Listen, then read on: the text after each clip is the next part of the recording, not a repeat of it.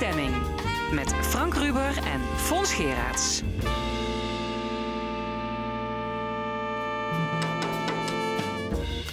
Welkom bij De Stemming, het interview- en discussieprogramma van L1 Radio. Wat kunt u de komende twee uur allemaal verwachten? Harald Schreuder, voorzitter van het CDA Limburg. Hoe kijkt hij aan tegen de Limburgse bestuurscultuur? Om te voorkomen dat de aarde naar de knoppen gaat, moeten planten en dieren rechten krijgen. Straks pleitbezorger Erik Kaptein en onze analist gezondheid Maria Jansen over eenzaamheid. Corona heeft ook ingehakt op de psychische gezondheid. In het tweede uur Joep Verbucht over de noodzaak van een mentaal offensief. En dan nog een column van Rezi Kouwmans. Het panel discussieert over de opening van de terrassen, code zwart en opstandige CDA-afdelingen. Kortom, tot één uur is dit. De stemming. Het subsidieschandaal rond de stichting IKL kostte deze week de kop van Dieudonné Akkermans, burgemeester van IJs de Margraten en voorzitter van de Raad van Toezicht. En daarmee is hij na Herman Vreje, Ger Koopmans, Hubert Makkes en Theo Bovens de vijfde CDA-prominent die zijn baan kwijt is. En de rest van het college van gedeputeerde staten zit ook werkloos thuis. De brokstukken worden nu aan elkaar gelijmd door de VVD'ers Remkes en Hoes. Hoe kijkt CDA Limburg-voorzitter Harald Schreuder aan tegen de ravage en de dieperliggende oorzaken? Hij is onze eerste gast. Ja, het is een uh, politieke en uh, bestuurlijke depressie waarin Limburg eigenlijk beland is. Hoe kijkt u als uh, CDA-voorzitter daar tegenaan? Nou, het is natuurlijk uh, rampzalig voor Limburg. Het is ook uh, heel slecht voor uh, onze partij, maar het is vooral ook rampzalig voor Limburg. Hoe gerenommeerde bestuurders, gerenommeerde politici um, het veld ruimen en eigenlijk een, een leeg speelveld achterlaten. Um, ik bedoel, het biedt ook altijd weer, weer, nieuwe kansen om dingen opnieuw op te bouwen. Um, maar het is in eerste instantie ook gewoon dramatisch in een tijd dat er gewoon zware beslissingen genomen moeten worden. Er ligt heel veel op tafel wat er moet gebeuren. En dat vertraagt nu en dat is heel ongelukkig. Ja, ik kan me zo voorstellen dat u de afgelopen weken toch wel eens gedacht zult hebben: um, waarom gaat dit in Limburg voortdurend mis? Want dit, hè, dit zijn een aantal mensen die nu gesneuveld zijn door die EKL-affaire. Maar daarvoor zijn natuurlijk nog talloze affaires geweest. Waarom is dat in Limburg continu het geval? Nou ja, uh, is, dat, is wel, dat is wel een goede vraag. Uh, mijn eerste vraag, uh, mijn eerste tegenvraag zou zijn: van hoe weten wij zeker dat dat een Limburgse situatie is? Um, er is heel specifiek en precies gekeken naar een aantal zaken die in Limburg fout gaan. ik prijs de journalisten, ook L1, maar ook NRC en de Limburger, elke dag voor het feit dat zij zo kritisch zijn en dat zij zo goed kijken wat er allemaal goed en fout gaat binnen de provincie Limburg. Tegelijkertijd is het ook zo uh, van dat het natuurlijk niet gebenchmarkt is, zoals het zo mooi heet. Er is niet gekeken of het in Brabant of in Gelderland of in Drenthe of in Overijssel niet precies hetzelfde is. Dus uh, de vraag of het een Limburgse bestuurscultuur is, is op die manier niet heel makkelijk te beantwoorden. Zeker gezien het feit dat eigenlijk uh, landelijk vergelijkbare vertrouwenskwesties nu op dit moment spelen met betrekking tot de uitwisseling van informatie tussen de Tweede Kamer en daar de regering. Uh, het zijn zelfde kwesties met betrekking tot uh, uh, vertrouwen tussen partijen en tussen verschillende inst instituten. en vertrouwen van de bevolking ten opzichte van de politiek. Ja, maar ja, goed. Limburg is de enige provincie waar een heel provinciebestuur is afgetreden, natuurlijk. En als je kijkt naar affaires, hè, die klusjesmannenaffaire. Ja. Uh, Terrak, hè, het, het, commissariaat van Ger Koopmans. Het waren natuurlijk allemaal mogelijkheden die ja, blijkbaar de omgeving hier geschapen heeft die het mogelijk maakte. Ja, nog, nogmaals wat ik net zeg. Ik ben, ik ben ook blij uh, uh, en ik vind het uitstekend dat dat in Limburg zo intensief onderzocht is. En we moeten de Limburgse problemen ook daadwerkelijk oppakken.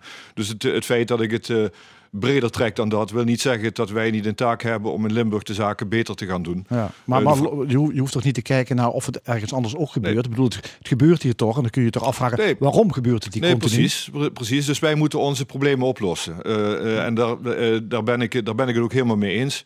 Uh, daar zijn we als CDA ook gewoon mee begonnen. Hè. We ja. hebben een uh, integriteitscommissie. Want, want, ja, want het CDA duikt natuurlijk wel altijd op in al die affaires. Daar zijn CDA's mee gemoeid. Het is een partij die, als je met de voorgangers erbij telt, zo'n 100 jaar toch wel een belangrijke rol speelt in de Limburgse bestuurscultuur. Uh, op alle fronten aanwezig. zit daar iets van een oorzaak ook meteen in? Dat het CDA zo oppermachtig altijd is geweest en ja, blijkbaar in die haarvaten van die samenleving en dus ook van dat bestuur zit? Nou ja, um, even de nuchtere cijfers. Um, uh, het CDA had uh, in, de, in de afgelopen periode 20% van de statenzetels. Nog niet eens. We hadden 28% van de gedeputeerden. we zijn op heel veel plekken zijn wij niet meer de eerste partij, de eerste viool in heel veel lokale gemeenten. We zijn op heel veel plekken zijn we niet meer de, ook in het maatschappelijk middenveld, niet meer de eerste, die de eerste viool spelen. Ehm, dus het frame van dat het iets is wat alleen maar aan het CDA kleeft, uh, vind ik ook heel erg voorbarig. Ik, daar, verzet ik me ook tegen. Ik bedoel, wij, wij nemen verantwoordelijkheid voor de hmm. dingen die onze mensen fout doen. En we zijn ook gestart met een integriteitscommissie om te kijken voor wat we daarin kunnen verbeteren, actief kunnen verbeteren. Maar het CDA is niet alleen maar die affaires die net genoemd worden. Het, maar, het CDA zijn, maar zijn toch altijd wel CDA's die in, in, elke affaire duiken wel CDA's op? Ja, maar uh, het CDA is in het verleden ook een, eh, een, machtige, invloedrijke partij geweest. En we zitten ook nog in veel, uh, op veel plekken. Ik, ik, wil dat niet verhelen. Uh, en daar gaan we ook naar kijken. Daar zijn we ook al mhm. gestart om daar naar te kijken. Maar het frame van dat het altijd CDA is dat, dat dit veroorzaakt, ik gooi dat ver van me af. Er zitten te veel jonge, actieve mensen op alle mogelijke plekken die zich inzetten voor, het, voor Limburg en voor hun gemeente en voor hun gemeenschap. Ja. die, ehm, die op een moderne manier invulling geven aan de idealen van de CDA. Ja, geloof ik, geloof ik meteen. Ik bedoel, dat, dat zal zeker zo zijn. Maar je ziet dus wel, bijvoorbeeld als je kijkt naar de IKL-affaire, CDA, uh, oud-CDA-gedeputeerde Herman Vreje, dat hij met medewerking van huidige CDA-bestuurders wel zijn gang kon gaan. Dat er iets gebeurde, dat er subsidies uh, een bepaalde richting uitvloeiden uh, en dat die in privé zakken terechtkwamen. Daar waren ook andere CDA-bestuurders wel van op de hoogte. Dus er is blijkbaar zoiets kan wel ontstaan. Nou, dat, dat, dat, vind, ik op, dat vind ik op zich wel interessant. Hè. Als je het hebt over bestuurscultuur. Uh, dan hoort het ook dat je afwacht van wat de onderzoeken laten zien. En tot nu toe uh, is het verhaal van dat, wat, wat vaker verteld wordt overigens, dat mensen van het CDA ervan wisten en het, uh, het beïnvloed hebben en ook positief beïnvloed hebben, ehm, is volgens mij nog niet aangetoond. Er vinden nog allerlei onderzoeken plaats. In het provinciehuis vindt nu op dit moment door de eigen controller... en straks ongetwijfeld ook uh, in de enquêtecommissie die gaat plaatsvinden... zal er naar gekeken worden. Uh, maar er, er, hebben meer mensen meegekeken. Ja. Maar dit, dit, zijn, we hebben het wel over twee gedeputeerden... die natuurlijk meteen zijn opgestapt. Ja. En, dat dus... is, en dat is heel zuiver. Hè? Op het moment dat jij vaststelt van jezelf... voordat je dingen had moeten zien... waarvan je vindt dat je ze niet gezien hebt... Uh, en, en, je neemt daar je verantwoordelijkheid voor, dan is dat staatsrechtelijk heel erg zuiver en ik prijs ze daar elke dag voor. Ja, vorige week zat, zat de journalist Joep Dome uh, ja, op dezelfde stoel waar u nu zit. Hij was vooral verbaasd dat hij het bewijs dat er dat subsidies oneigenlijk gebruikt werden, dat hij het zo makkelijk boven tafel kreeg, alsof men zich van geen kwaad bewust was. Um, is dat misschien nog niet het allerergste, dat bestuurders niet in de gaten hebben dat ze niet integer handelen? Nou, terug op wat ik net zei. Het, bewijs moet nog geleverd worden dat ze niet integer handelen, die bestuurders. Hè? Want er zijn heel veel gemeenten, en heel veel uh, provinciebestuurders bij betrokken geweest, ook breder dan onze partij.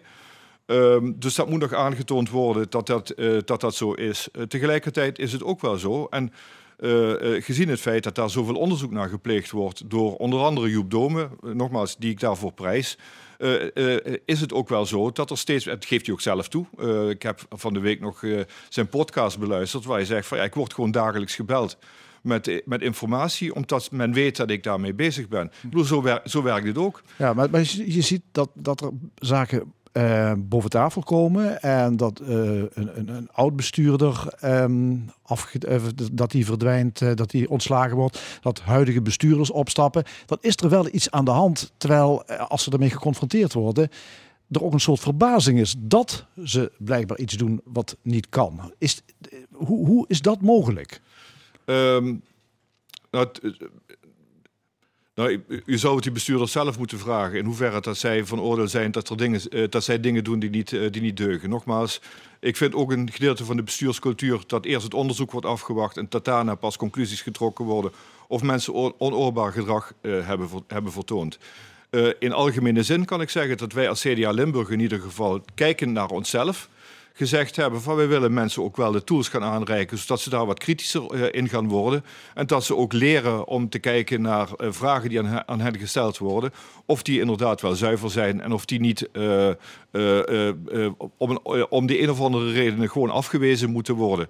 Dus wij willen wel degelijk, als partij zijn we wel heel actief in, ervoor zorgen dat, dat integriteit een zeer belangrijk punt wordt in het afwegingenkader waar bestuurders mee aan de slag gaan. Dat, ja. wordt, dat wordt ook aan ons gevraagd. Hè. Onze, onze afdelingen, die jonge mensen die ik, die ik uh, net uh, benoemde, die vragen dat ook aan ons. Van maak dat nu helder, zodat het nooit meer een misverstand kan, uh, dat er nooit meer een misverstand over kan bestaan. Van wat mag en wat niet mag. Ja, er leven heel veel vragen over de bestuurscultuur en de integriteit. Um, fractievoorzitter van het CDA in de Staten is Mariska Werry.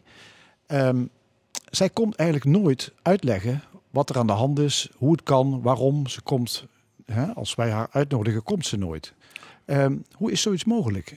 Nou ja, ik, ik denk dat. Uh, ik denk dat um, um, nou, als voorzitter laat ik aan de fractievoorzitter zelf over van waar zij wel en niet verantwoording uh, over aflegt.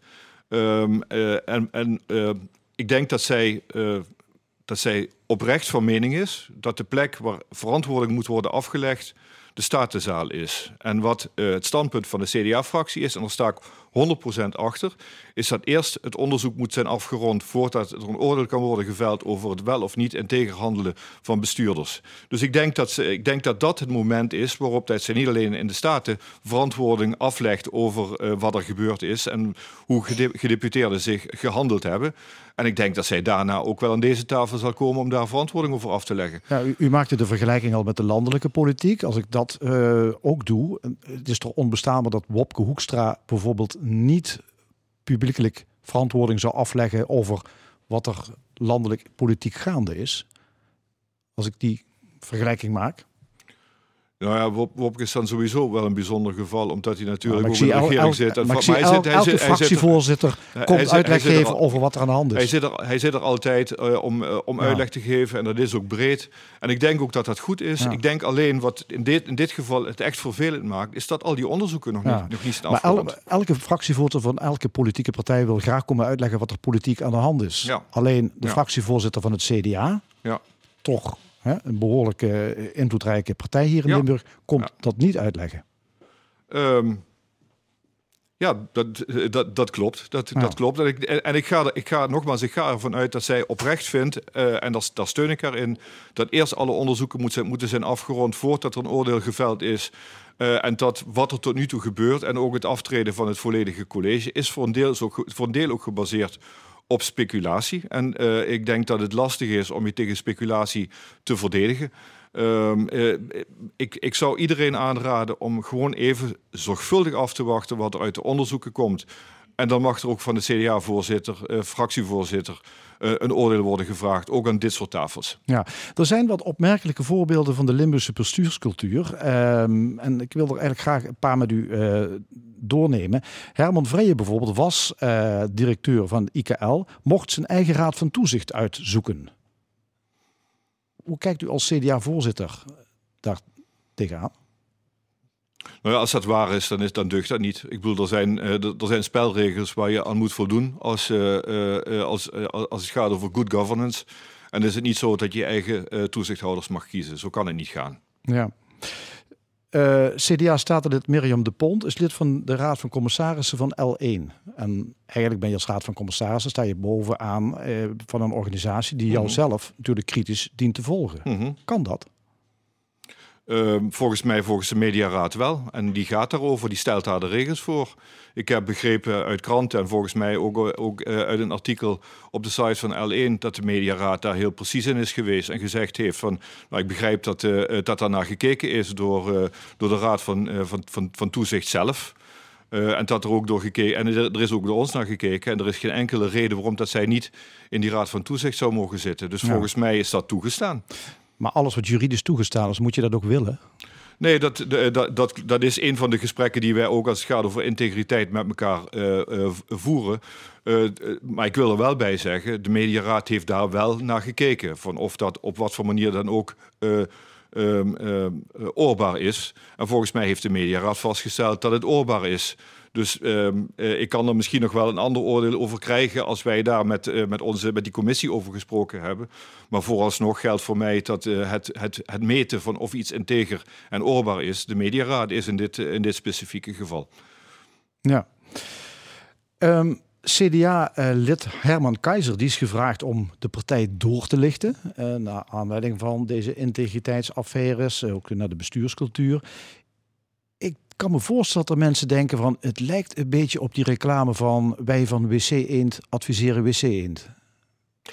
Dat, uh, uh, dat, is, dat is wel heel mooi. We hebben, we hebben Herman gekozen, heel specifiek, omdat Herman de laatste volgens mij twintig jaar van zijn werkzame leven uh, niet in Limburg gefunctioneerd heeft. Hij woont nu weer in Limburg, is natuurlijk in Limburg. Dus een echte is Limburger. is een echte Limburger. Limburgser dan, uh, is zelfs een, uh, een, een, een, een, dorpsgenoot van mij. Dat is ook een kerkradenaar van, van, van oorsprong. Uh, maar Herman heeft zijn sporen verdiend in het CDA landelijk, heeft zijn sporen verdiend uh, op de burgemeestersplekken waar hij geweest is. Ja. En hij wordt ondersteund door uh, iemand die niet eens lid is van de partij, die dat echt doet vanuit morele verantwoordelijkheid voor de maatschappij. En iemand die gepokt en gemazeld is in vraagstukken met betrekking tot integriteit. En uh, dat is Herman Keizer zelf, zelf ook. Uh, Herman ja. Keizer is... Maar, maar, toch, maar toch, Herman Keizer behoort natuurlijk toch tot de inner circle van het Limburgse CDA. Nee, en... in, in tegendeel. Hij, hij, kent, hij kent iedereen van, uh, van ja. oudsher nog. En al die maar, CDA's, al die bestuurders kennen elkaar. Ja. Hè? Joep Dome vorige week had het over een, een vissenkom. Al die CDA's komen elkaar continu tegen. Moet je dan iemand uit, uit die vissenkom nemen om te ja, kijken maar, of maar Herman, het is, goed gaat. Herman is, Herman is niet vanuit de vissenkom. Herman is van, Herman is van een, uh, uit een aquarium, uit een, uit een, veel groter aquarium met vergelijkbare vissen. Die ook met verwondering kijkt naar wat, onze, wat in onze Limburgse vissenkom gebeurt. Waar Herman is uh, geen, geen, geen Limburgse CDA, CDA in die zin. Hij doet niet mee aan, uh, aan, aan welk Limburgs gremium van het CDA dan ook. Uh, hij is lid. Uh, hij komt soms kijken op een ledenvergadering, maar daar houdt het ook snel op. Oké. Okay. We gaan het uh, rapport van hem tegemoet zien. Zeer zeker. Dank u wel, Harold Schreuder, voorzitter van het CDA Limburg. Graag gedaan. Zometeen naar de stemming. Moeten planten, dieren en rivieren rechten krijgen? Zijn juridische stappen de manier om de aantasting van de natuur een halt toe te roepen? Dat zometeen na Stevie Wonder.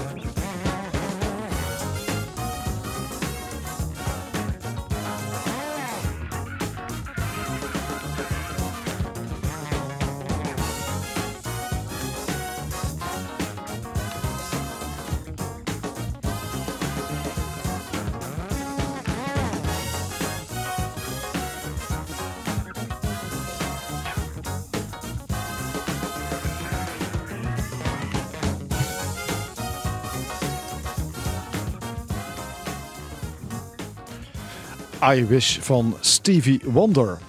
We zijn goed op weg om de planeet naar de ratsmodee te helpen. Dieren- en plantensoorten sterven uit, we kappen regenwouden, ecosystemen worden verstoord en we vervuilen de atmosfeer en het grondwater. Kortom, de mens zorgt voor enorme milieuschade en natuurverlies. Volgens landschapsarchitect Erik Kaptein is het tijd voor actie, juridische actie. Hij wil, aan dat, hij, hij wil dat aan de levende natuur rechten worden toegekend. En daarover schreef hij een boek. Rechtsgelijkheid voor de natuur. Aan tafel bij ons Erik Kaptein. Goedemorgen. Dank u wel voor de uitnodiging. Ja, graag gedaan. Toen ik uw boek uit had, dacht ik, die kaptein is kwaad. Ja. Het engagement druipt van elke bladzijde. Kwamen die teksten uit uw tenen? Uh, het, is, het is een kunst om, om niet boos en negatief te zijn. En dat gebeurt ook veel met dit onderwerp. Er zijn veel activisten die uh, ja, tot het uiterste gaan om, om aandacht te vragen. Maar het heeft tot dusver weinig uh, effect. Maar ik deel hun emotie. Ja. ja. Ja. Uh, ja, want u heeft het over ecocide in het boek. Ja. Over ons dierlijk brein. We zijn belust op winst. We consumeren ons te pletter. Ja. Het is niet gering wat u de mens allemaal voor de voeten werpt. Ja, maar ik denk dat veel mensen dat ook wel weten. En dat dat ook niet nodig is om het nog eens een keer te zeggen. Wat ik een goed voorbeeld vind is, uh, is het werk van uh, David Attenborough. Die heeft zijn hele leven en uh, met zo'n fantastische documentairemaker als de BBC eraan gewijd. Beter inzichtelijk met die technologie en die kennis bestaat haast niet of bestond niet. En toch, toch levert hem dat ja, misschien 100 miljoen of een miljoen volgers op op YouTube, maar er verandert niks aan de wereld. En vandaar dat dit onderwerp, rechtsgelijkheid, in mijn ogen, in mijn optiek, niet overdreven is. En ik hoop ook lezers en luisteraars te kunnen ja. overtuigen dat het eigenlijk vanzelfsprekend is. Ja, zijn we ons bewust van het feit dat we de natuur onherstelbare schade toebrengen? Jawel, jawel. Of denken we, ach, het loopt zo'n vaart niet, onze intelligentie vindt er wel iets op? Dat, dat is onze houding en dat is een goede die u aanhaalt. Technologie die helpt ons wel. Technologie uh, zorgt voor de oplossing, maar we stellen niet de, de juiste vragen. Um, wat, wat, zou de, de, juiste vraag moeten zijn? De juiste vraag is natuurlijk uh, hoe we voorkomen dat het nog erger wordt. Als, als we dus horen 40 tot 60 procent van de biodiversiteit. Uh, het, oppervlakte, het leven in het oppervlaktewater nog, nog minder. Uh, wereldwijd, hè, een afname van de biodiversiteit. Ik denk, ja, hoeveel uh, wil je dan nog meer horen? Hè? En als je realiseert dat het in de afgelopen 50 jaar grotendeels is tot stand gekomen, dan denk ik dat men toch genoeg weet om iets te gaan doen. En u zoekt nu de oplossing in het recht. Wel, planten en dieren die moeten gelijke rechten krijgen. Maar ja, die, die kunnen niet praten. Ik ben heel mijn leven als landschaparchitect actief geweest met het uitvoeren van natuur- en landschapsplannen. En het heeft me altijd verbaasd waarom in elke discussie, planologisch, dat is mijn vakgebied, juridisch, dat komt er heel vaak bij kijken, uh, moreel, democratisch, strafrechtelijk, per definitie natuur en landschap uh, het onderspit uh, delven. En als je dan die vraag stelt, hoe kan het eigenlijk, is een heel simpel antwoord. Ja, ze hebben geen rechten. Als je een morele afweging maakt, uh, dan gaat het om wensen, belangen en rechten. Die moet je allemaal in kaart brengen, die moet je allemaal inventariseren, die moet je allemaal wegen. Maar uiteindelijk krijgt degene met rechten, juridische rechten, eigendomsrechten, bestemmingsplan, technische rechten, die krijgt uh, het gelijk. Nou, de natuur uh, heeft dat niet. En waarom heeft de natuur dat niet? Dan zou je terug kunnen gaan in de tijd. Waarom hebben wij die rechten wel? Wel nu, wij hebben die rechten pas 230 jaar. Daarvoor waren wij als, als burger ook rechteloos. De, de kerk had het voor het zeggen. En de, en de adel, die, die bezat bij overerving de grond en de productiemiddelen. En wij moesten maar via onze dorpsgemeenschap, onze familie, onze gilde zorgen dat we als burgers uh, uh, een, een, bestaan konden opbouwen. In uh, 1789 is dat radicaal veranderd ten tijde van de Franse Revolutie. Sindsdien hebben wij rechten. Vinden wij het de meest vanzelfsprekende zaak van de wereld dat wij die rechten ontzeggen aan anderen, zoals bijvoorbeeld de andere levende wezens op deze aarde. En zijn eigenlijk net zo uh, uh, arrogant als de bourgeoisie uh, 250 ja, dus jaar. Eigenlijk hadden we toen, 250 jaar geleden, die rechten moeten ja. verankeren in ons rechtssysteem. Dat was heel verstandig. Ja, niemand gaf iets om de natuur toen, dus dat, dat nee, gebeurde de, niet. De adel die zorgde voor zichzelf dat ze vis- en jachtenrechten hielden. Dat koppelden ze aan hun bezit, aan hun grond. En daar waren ze ook wel heel erg keen op. Um, maar daar, uh, daar, daar, bleef het bij, ja. ja. Dus uh, ons rechtssysteem moet dringend worden bijgesteld aan de moderne tijd. Nu hebben we eeuwenlang van de natuur geprofiteerd. Hè. We hebben haar geëxploiteerd, uh, gecultiveerd, grotendeels vernietigd. Is het niet naïef om te denken dat het mensdom de natuur opeens rechten gaat geven? Waarom zouden we dat doen? Um, het is een stellingname in dit essay, eigenlijk vanuit wat ik net hiervoor vertelde, vanuit een historische analogie. Als je daarmee begint, dan word je gedwongen om uh, zorgvuldiger afwegingen te maken. En net zoals ik zei in, dat, in, dat, uh, in die morele afweging, levert dat dan tot, verand, tot veranderingen. Als je aan iemand vraagt van, vind je jezelf in staat om een morele goede afweging te maken? Dan zegt hij ja. Vind je ook dat, dat je moreel juist oprukt? Ja, dat vind ik wel. Vind je dat de mensheid uh, moreel uh, goed functioneert? Nou, ja, toch ook wel. Hè? Een land als Nederland gaat toch allemaal keurig. Maar als je werkelijk kijkt um, um, welke afwegingen er worden gemaakt. En uh, wat ik al eerder zei, dat planten en dieren en natuur en landschappen per definitie achterop komen, dan, dan deugt het niet. We hebben de lijn Jessica Dan Outer, milieujurist. mevrouw Dan Outer, wat vindt u van het verhaal van Erik Kaptein? Ja, ik vind het echt geweldig dat uh, Erik Kaptein hier een boek over geschreven heeft. Het is heel belangrijk dat uh, ja, er steeds meer aandacht eigenlijk in Nederland voor dit onderwerp komt. En dat komt er gelukkig ook. En ja, ik verschaar me eigenlijk volledig achter het verhaal van uh, Erik. Ja. ja, u kent de organisatie de Maas Cleanup. die maakt zich sterk om van de Maas een rechtspersoon te maken. Zal dat helpen om de Maas te beschermen tegen vervuiling? Nou, dat is nu precies wat wij aan het onderzoeken zijn, inderdaad. Wat Erik net al toelichtte, wij merken gewoon dat um, ecologische belangen het onderspit delven ten opzichte van maatschappelijke en vaak economische belangen. Nou, dat zou dus, zoals Erik net toelichtte, uh, in uh, wijze. Uh, verholpen kunnen worden door de natuur een rechtspersoon te maken, en dan specifiek de Maas. Ja, maar wat voegt dat, dat precies toe? Want wie nu zonder vergunning allerlei troep in de Maas kiepert, is toch ook al strafbaar?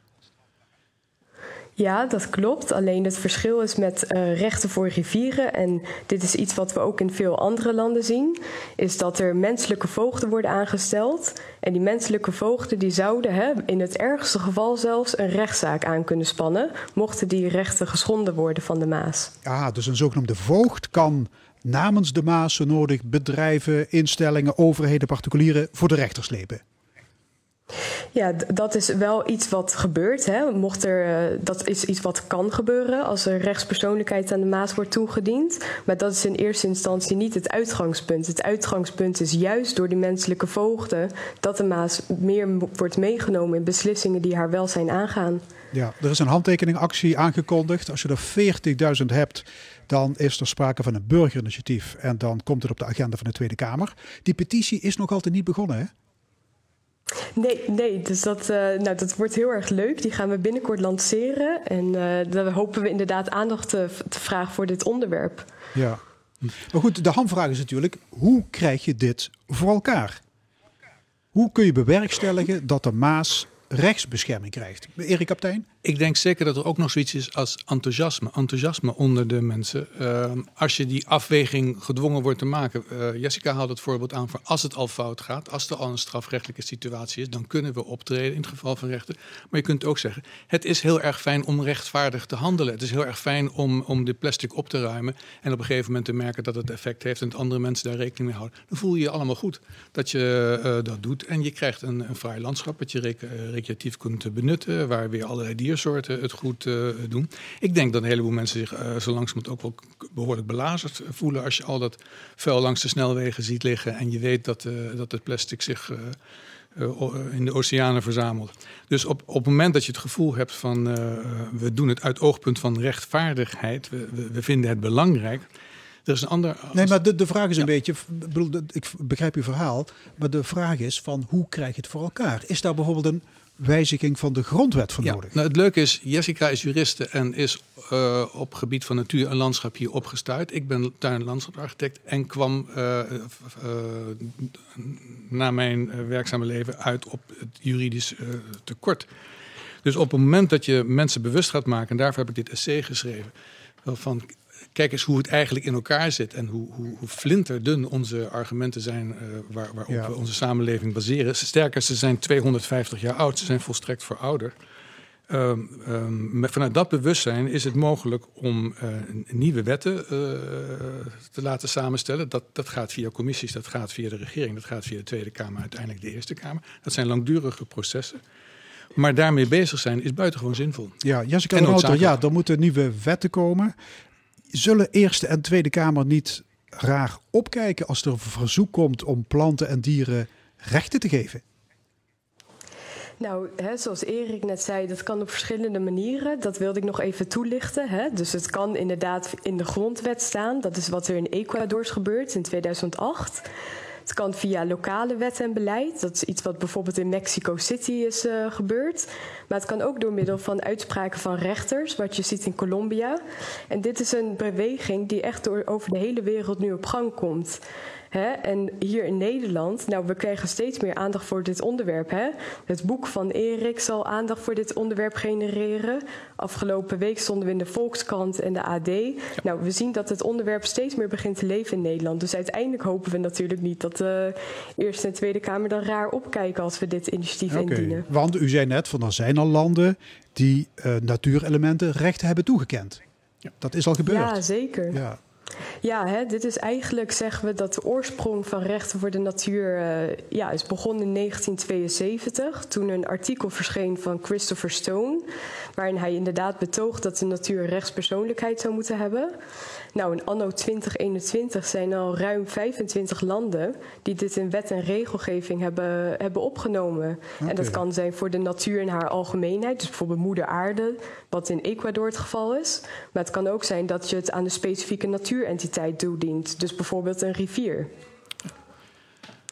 En een interessante aanvulling is dat het internationaal gerechtshof in Den Haag, wat er eigenlijk is voor genocide en zinloos geweld, het dus eh, partijen die, die door een, eh, een nationaal eh, rechtssysteem niet te grazen kunnen worden genomen, die dus eh, eh, wereldwijd opereren, dat je die toch strafrechtelijk maakt op het gebied van ecologische eh, rampen.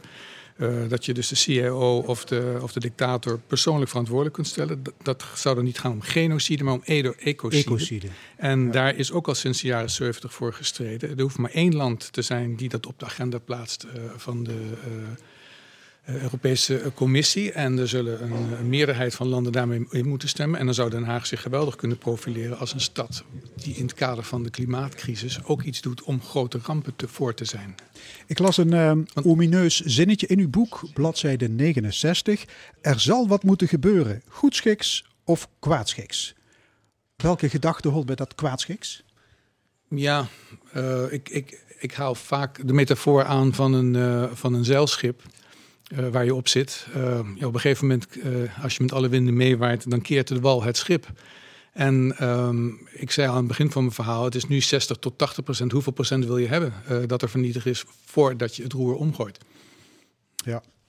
In een interview vertelde u dat u als landschapsarchitect regelmatig werd ingehuurd door projectontwikkelaars en plannen moest uitvoeren waar u niet achter stond.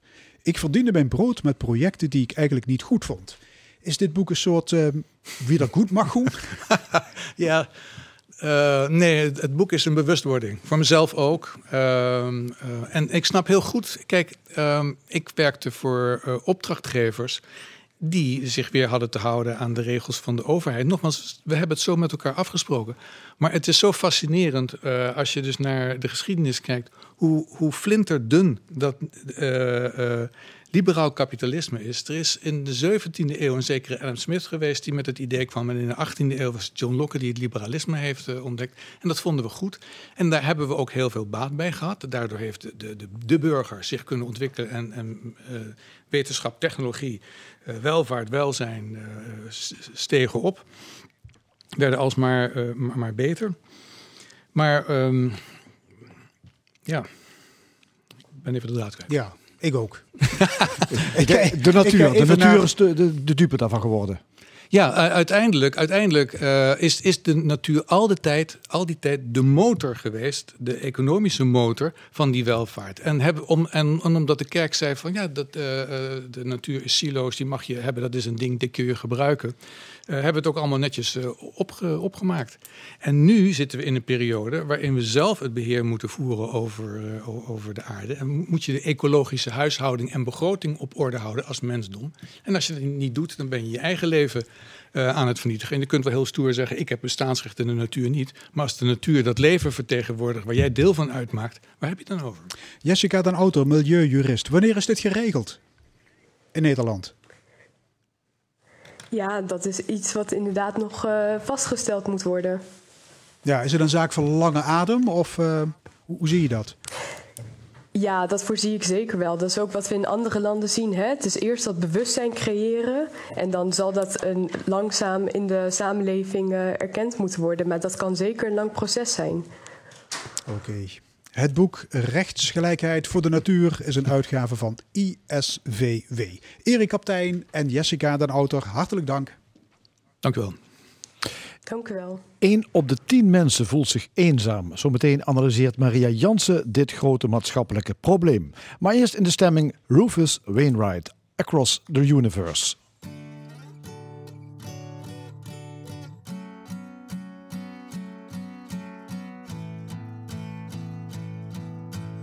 Words are flowing out like endless rain into a paper cup. They slither while they pass, they slip away across the universe. Pools of sorrow, waves of joy are drifting through my open mind, possessing and caressing me. Jai Guru Deva.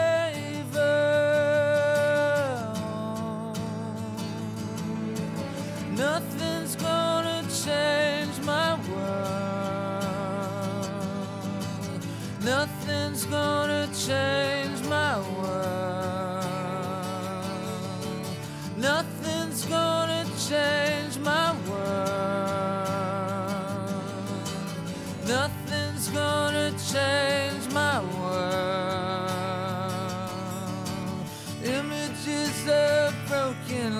which dance before me like a million eyes and call me on and on across the universe. Thoughts meander like a restless wind inside a letterbox. They stumble blindly as they make their way across the universe. Jai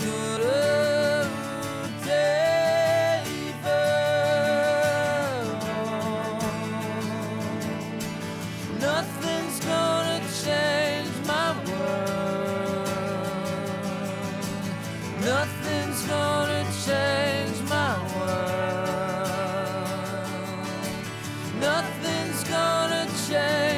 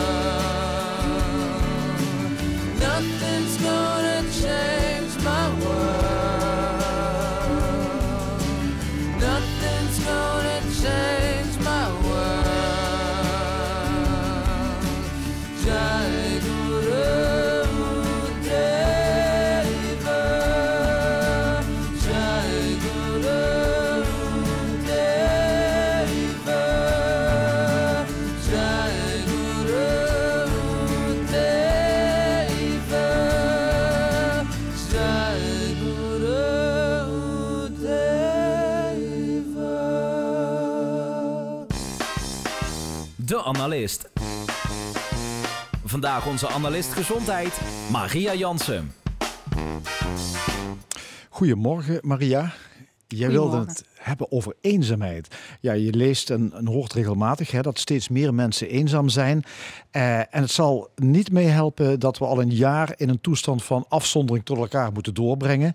Heeft de COVID-epidemie ook een eenzaamheidsvirus inderdaad met zich meegebracht?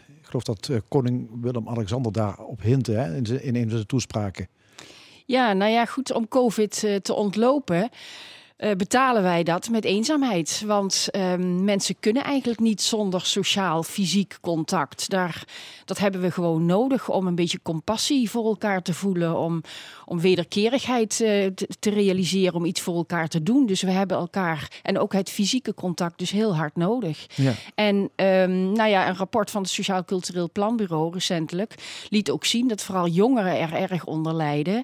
En ook de kwetsbaren. Dus de, bijvoorbeeld een zieke kankerpatiënt die ook denkt van ja, ik laat mij nergens meer zien, want ik wil niet ziek worden. Ik, uh, ik wacht tot ik gevaccineerd ben. En als dat dan al zo lang duurt, ja, dan hebben mensen daar wel onder te lijden. Dus ik, ik ben wel heel nieuwsgierig naar de lange termijn effecten. Ja, wat, wat is eigenlijk eenzaamheid? Kun je dat meten? Want ja, goed, je kunt het misschien zelf voelen, je kunt je eenzaam voelen. Maar ja, als je het er als wetenschapper over moet hebben, dan moet je ook iets um, ja, objectiefs kunnen vaststellen natuurlijk. Ja, nou eenzaamheid, dat zie je niet aan de buitenkant. Hè? Uh, eenzaamheid hoort ook wel een klein beetje bij het leven. Er zullen in het leven altijd wel periodes zijn waarin je wat minder sociale contacten hebt en je even niet op anderen kunt terugvallen. Maar het mag niet te lang duren. En een heel belangrijk kenmerk van eenzaamheid is, is dat je geen verbinding kunt met mensen waar je juist graag bij wilt horen. En dat geeft teleurstelling en het gevoel dat je faalt, dat iets niet lukt. Dus dat, dat geeft ook stress. En het is natuurlijk een subjectief gevoel, maar we kunnen het wel meten. En vooral op populatieniveau. Want voor, het individuele, voor een individuele diagnose in de spreekkamer heb je echt wel een diepgaand gesprek nodig. Maar wil je dat op populatieniveau meten, zoals wij dat doen in het kader ook van de volksgezondheid, dan meten wij dat met de Jong Gierveld vragenlijst. Dat zijn 11 vragen. Dan kan je op scoren van 0 tot 11. Bij een 3 ben je soms eenzaam. En bij groter dan 9, een score dus groter dan 9, dan ben je sterk tot zeer sterk eenzaam. En dan moet je denken aan vragen als: ik ervaar het leven als een leegte. Ik voel me in de steek gelaten. Ik mis mensen om me heen. Dus dat soort vragen. Ja, dus je weet ook hoe vaak het voorkomt in Nederland als je het onderzocht hebt. Ja, wij weten hoe vaak ja? het voorkomt. Het komt op 1 op de 10 mensen voor. En dan hebben we het over sterk eenzaam tot zeer sterk eenzaam. Dus dat is die score hoger dan 9. Maar het komt in Zuid-Limburg bijvoorbeeld ook iets meer voor dan in Nederland. En dan kijk ik naar het soms eenzaam voelen. En dat is bij ja, in Limburg ongeveer 48 procent ten opzichte van 43 procent in Nederland. En Ja, dat zijn dat toch wel behoorlijke aantallen hoor. Dat is een, ja, een krappe helft van de bevolking die zich soms eenzaam voelt. Ja, Dus dat moeten we niet veronachtzamen. En wij maar denken dat we zo gezellig zijn hier Ja, in wij maar denken. Ja, ja. Ja, Ja. ja. en ook nog een punt. Het komt bij eh, eh, zieke mensen nog meer voor. Maar als zieke mensen ook nog in een lage inkomenscategorie zitten, dan komt het nog meer voor ten opzichte van de hogere inkomensgroep. Dus je hebt ook nog een, een inkomensgradient. En, en ik hoorde jou naast oudere mensen, daar kun je je wel iets bij voorstellen. Hoe ouder je wordt, ja, hoe meer mensen om je heen wegvallen van diezelfde leeftijd. Maar ook jongere mensen kampen Ja. met eenzaamheid. Terwijl ik denk, ja, die zitten de hele dag zitten die toch eh, lekker uh, op de social media met elkaar. eh, hebben alle mogelijkheden elkaar te ontmoeten. Maar dat is dus Ja, niet zo. Maar social media is niet per se behulpzaam in het tegengaan van eenzaamheid. Want wat je ziet op social media, dat zijn de fantastische beelden van die ander, waar jij net geen verbinding Ja. mee kunt krijgen. Creëert misschien juist eenzaamheid. creëert juist toch een gevoel van ik hoor daar niet bij. Of de andere kant van de, ja, de grove tweets waarvan je ook zegt van ja, daar voel ik ook geen verbinding mee. Want dat is het extreme geluid wat ik, waar ik mij niet in herken. Dus ehm, ook voor jongeren is die eenzaamheid echt wel een probleem. Ja. We- Weten we waardoor het ontstaat, eenzaamheid? Nou, gemis aan contact. Ja. En wat natuurlijk meespeelt, is dat het gewoon op de langere termijn ook heel erg leidt tot problemen in de volksgezondheid. Want het geeft stress. Je, je hebt het gevoel van ik ben toch een beetje mislukt. Eh, het geeft heel veel stress en dat leidt, en dat is ook door allerlei wetenschappelijk onderzoek al aangetoond, het leidt op de langere termijn, termijn tot allerlei stressgerelateerde ziekten. En dan moet je denken aan hogere bloeddruk, eh, maar ook aan mentale fitheid, depressies, angststoornissen. Dus ehm, ja, het- leidt op de langere termijn ook echt wel tot problemen in, in, in de samenleving, omdat je je niet verbonden voelt. Ja. Ehm, je zegt nu mensen die eenzaam zijn, die worden misschien zieker. Van de andere kant, je weet ook, mensen die ziek zijn, die voelen zich eenzaam. Dus wat, wie, wat is nou de oorzaak en wat is het gevolg? Ja, dat is een kip-en-ei discussie. Dus dat, dat, als je een, ziekte kan leiden tot eenzaamheid, omdat mensen je niet graag komen opzoeken, omdat je alleen maar met jezelf bezig bent, met je ziekte. Dus het gesprek is dan te eenzijdig gericht. Maar het kan natuurlijk ook zijn dat eenzaamheid leidt tot ziekte, juist door die, die, ja, die permanente stress. Je staat permanent onder hoogspanning. En dat is voor, een, voor, voor ons allemaal niet goed want het tast het immuunsysteem aan. Uh, nou ja, het, het, tast eigenlijk gewoon de, de, kwaliteit van leven aan. En dat, dat willen we voorkomen met elkaar. Ja, en, dat wil je voorkomen, want het is persoonlijk natuurlijk voor mensen een drama. Maar, maar jullie hebben ook gekeken als uh, Universiteit Maastricht hier wat, wat, wat kost het eigenlijk, hè? eenzaamheid? Wat, is, wat zijn de economische gevolgen eigenlijk? Ja, we hebben met de Universiteit Maastricht en de GGD Zuid-Limburg onderzoek gedaan naar de kosten van eenzaamheid. En daar hebben we de gezondheidsmonitor van de GGD in heel Nederland voor gebruikt. Er zitten zo'n 350.000 mensen in. En we hebben gekeken wat eenzaamheid kost. En zelfs gecorrigeerd of rekening houdend met een chronische aandoening. En ook met geslacht en met leeftijd. Dus we hebben dat allemaal gecorrigeerd. Maar als je dat optelt, dan kost eenzaamheid ongeveer 2 miljard euro per jaar. Omdat eenzame mensen aanzienlijk vaker gebruik maken van uh, de huisarts bijvoorbeeld. Nou is de huisarts niet de allerduurste zorg uh, als je dat vergelijkt met de medisch specialistische zorg, maar tikt wel door. Maar ze maken ook veel vaker gebruik van de geestelijke gezondheidszorg. En dat is een forse kostenpost. Dus ja, je zou door het bevorderen van, ik noem dat vaak de kleefkracht in de samenleving, sociale cohesie, het elkaar steunen en helpen, dan zou je toch ook een reductie van de zorgkosten mee kunnen bewerkstelligen. Ja, ook, uh, ook al kostentechnisch is het uh, wel een probleem. Uh, nou leven wij uh, dus al in een tijd, daar begonnen we al mee, dat, dat mensen natuurlijk al meer gedwongen zijn om in, in kleinere kringen te leven, dus minder contacten te hebben dus de optimist in ons zou kunnen zeggen: als het coronavirus dadelijk verdwijnt, dan zal natuurlijk niet die hele eenzaamheid opgelost zijn, maar dan zal er misschien ook wel weer minder eenzaamheid zijn. En misschien ja, snakken wij dan naar meer contacten en zal het wel licht wel beter worden als, als we ook weer naar buiten kunnen vaker. Ja, nou ja, Norina Hertz, een uh, hoogleraar aan de University College in Londen, heeft een heel mooi boek geschreven over de eenzame eeuw. Uh, en daarin geeft ze aan dat die eenzaamheid niet alleen eenzaam betekent door gebrek aan sociale contacten, maar we voelen ons ook steeds eenzamer en in de steek gelaten door de landelijke overheid. Kijk naar alle affaires, door onze werkgevers. Kijk naar flexcontracten en nulurencontracten. Je hoort er eigenlijk toch niet echt bij. Kijk naar gemeenten waar openbare ontmoetingsplekken zoals bibliotheken en buurthuizen gesloten worden. Kijk naar buurten waarin we in appartementen opgesloten zitten, waarin we nauwelijks elkaar kennen. Dus dus zij geeft ook aan dat de samenleving wel een beetje ontrafelt. En dat we wel heel erg moeten opletten en moeten waken voor, voor die kleefkracht. Omdat dat toch een belangrijk element is in, in het sociaal-menselijk uh, ja, functioneren en het gevoel erbij te horen in de samenleving. Ja, is dat die neoliberale samenleving waarin uh, bijvoorbeeld de overheid alles heeft afgeschoven en waardoor nou, wij ons dus eenzamer voelen? Wij, wij voelen ons verweest? Ja, ik denk dat dit neoliberalisme heeft daar in ieder geval geen goed aan gedaan. Omdat alles wordt teruggeworpen op jij als individu. Hè. We zien het bijvoorbeeld in een heel simpel voorbeeld de wet maatschappelijke opvang. Daar wordt in eerste instantie gezegd, wat kan jij zelf doen? En als je dat echt niet kunt, dan zal de overheid na heel wat criteria, je moet aan x eisen voldoen, dan zal de overheid bijspringen.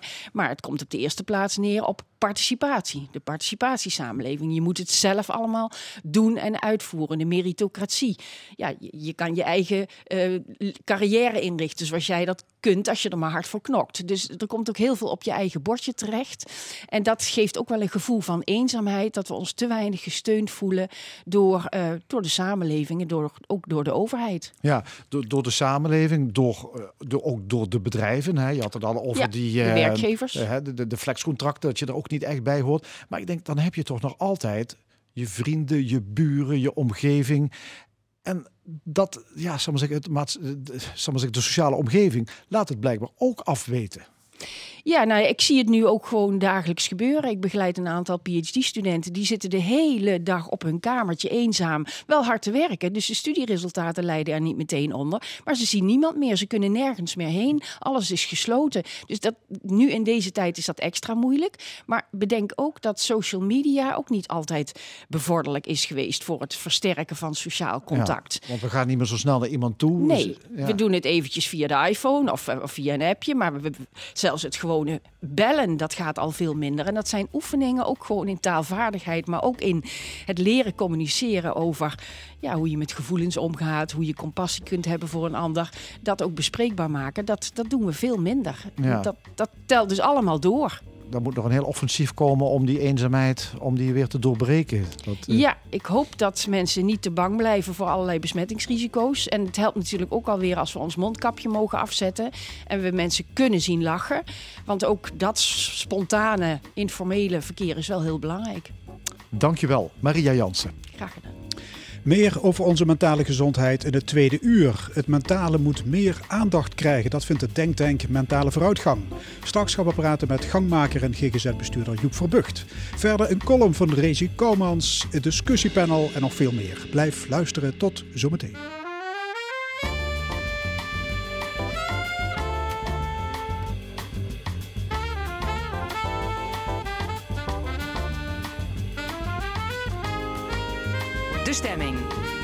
Frank Ruber en Fons Geraerts.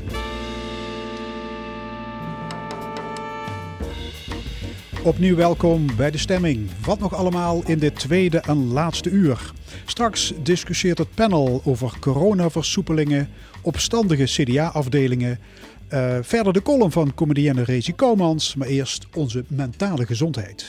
Want op dat gebied is er werk aan de winkel, althans dat vindt de Denktank Mentale Vooruitgang. Nederland wordt geplaagd door depressies, burn-outs, eenzaamheid en korte lontjes. En de coronapandemie heeft ons psychisch welbevinden nog verder verslechterd.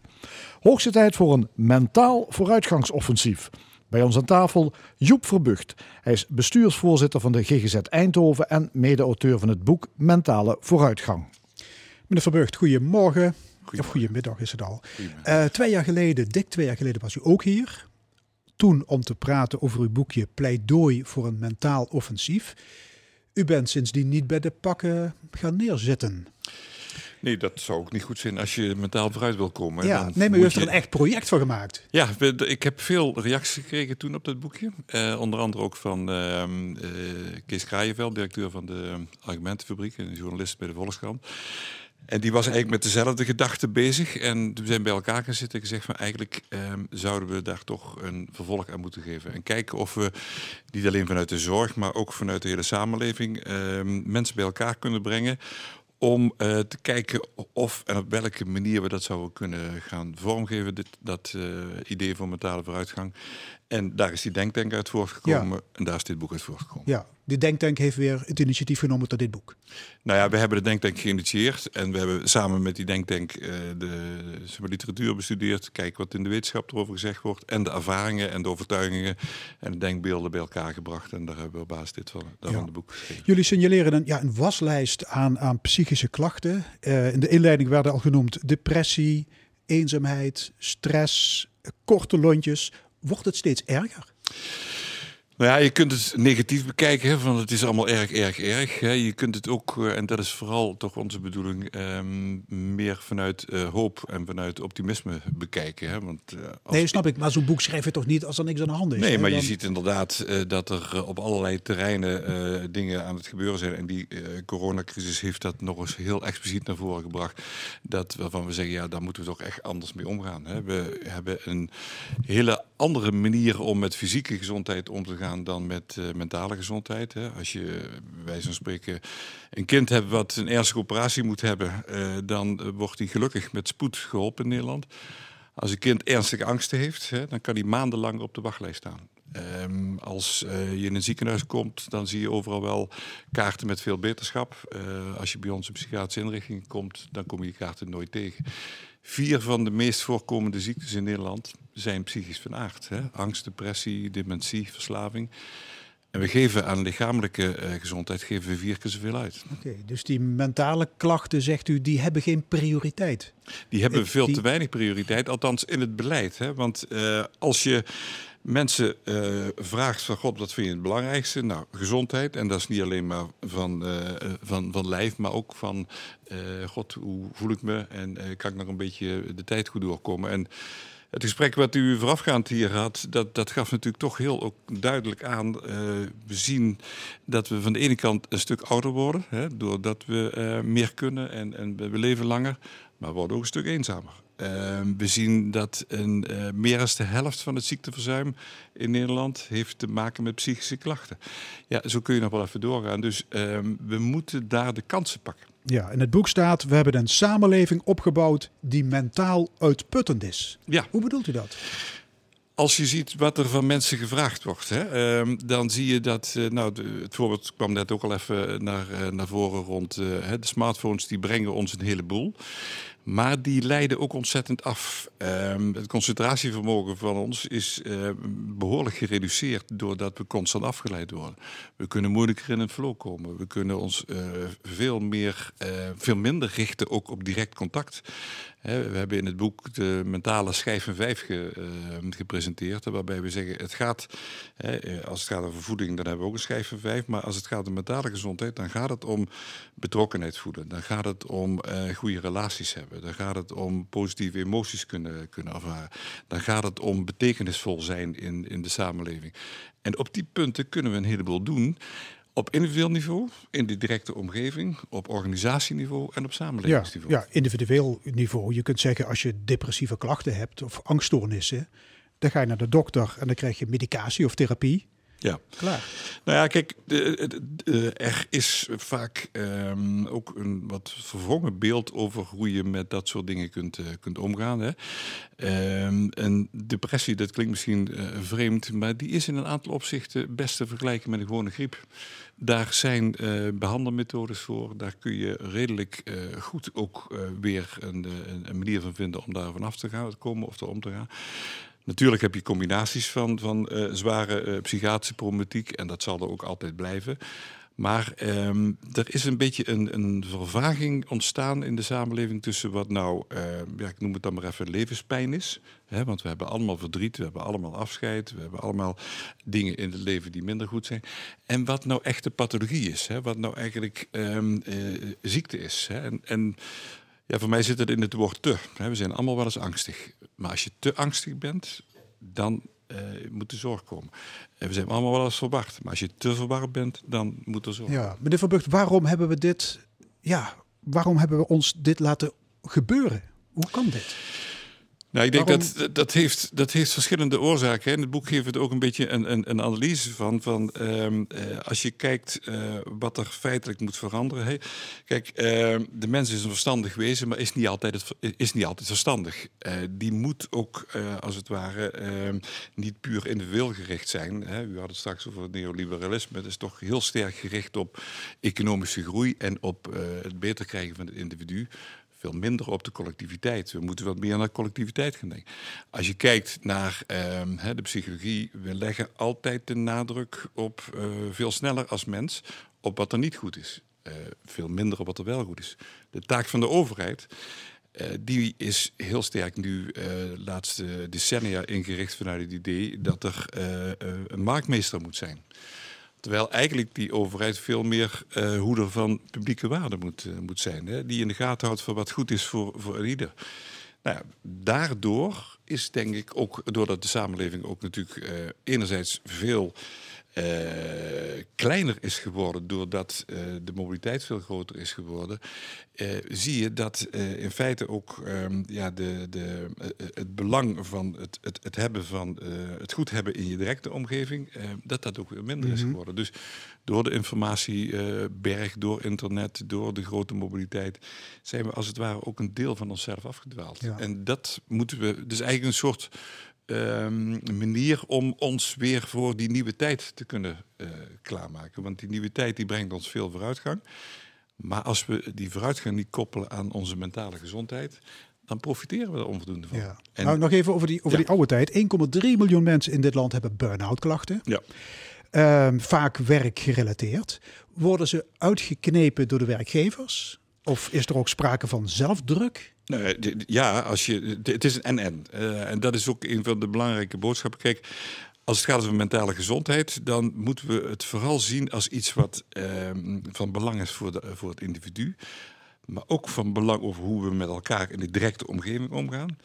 Ook van belang hoe een organisatie met hun eigen mensen omgaat. En hoe de overheid met ons omgaat. Dus het is, eh, je kunt niet zeggen het ligt alleen aan de overheid of het ligt alleen aan het individu. Het is die samenhang. En dat is ook het pleidooi wat we uitgewerkt hebben. Zeg van, maak, we hebben een eh, akkoorden over minder roken, over meer bewegen. Maar we hebben geen enkel akkoord over eh, mentale gezondheid. Verplicht bedrijven om daarmee bezig te zijn. Ga het in het onderwijs ook eerder op, op de agenda zetten. We hebben gymles, maar we, we, hebben, we, hebben, we gaan programma's maken over pesten. Terwijl we amper leren hoe kinderen nou elkaar moeten laten leren uitpraten. Hoe ze elkaar kunnen respecteren. Hoe je andere meningen eh, kunt, kunt, kunt respecteren. Dat ligt op allerlei terreinen. En daar mag je en daar moet je hoopvol over zijn. De onrust in de samenleving, ehm, is die ook van invloed? En dan noem ik corona, nepnieuws, complottheorieën, populisme, de Ja. MeToo-beweging, het gekanker op de sociale media. Zorgt dat voor extra spanning? Ja, ik denk dat, kijk, die, die, eh, eh, die, die internet eh, en die social media, die hebben eh, de mogelijkheid gegeven aan mensen die zich niet gehoord voelen om, weliswaar anoniem, eh, zich wel te laten horen. Ehm, dan kun je, bij wijze van spreken, dat van de bovenkant bestrijden en, en, en zweren van, van, van die social media.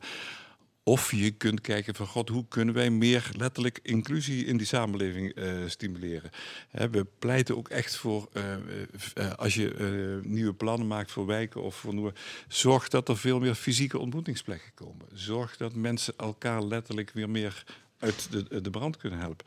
Je ziet in Scandinavische landen dat het, dat het, ehm, ja, zeg maar, het, denken in ehm, het is ons, ons aller belang dat dat eh, wat op een hoger niveau staat dan bij ons. En daar kun je veel mee winnen. Ja, we moeten iets doen, want we zitten op de rand van een mentale crisis, staat in het boek. Ja, de Amerikanen hebben die mentale crisis al te pakken. Ja, Wij zitten er tamelijk dichtbij. En ja, we zitten er van de ene kant dichtbij. eh, en van de andere kant heb je ook nog alle gelegenheid om te zeggen... als we die en die dingen echt serieus oppakken... Het boek begint met een, een hoofdstuk hoe het in 2050 eh, eruit Ja. zou kunnen zien, of zal zien, als we daar eh, daadwerkelijk mee aan de slag komen, gaan. En dan, dan zal de zorg ook anders belast zijn als nu. Dan hoeft het ons ook minder te kosten. Dan zouden fenomenen als minder kindermishandeling ook echt eh, tot, tot, eh, tot de mogelijkheden behoren dan hebben we ook weer meer vertrouwen. Want als één ding op allerlei niveaus ehm, kenmerkend is voor de situatie waar we ons in bevinden, is het gebrek aan vertrouwen. En daar begint toch het eerste punt van de mentale vooruitgang. Ja. Gebrek aan vertrouwen, mentale crisis. En toch blijkt steeds uit alle onderzoeken, is Nederland een van de gelukkigste landen ter wereld. Ja. Maakt u het niet erger dan het is?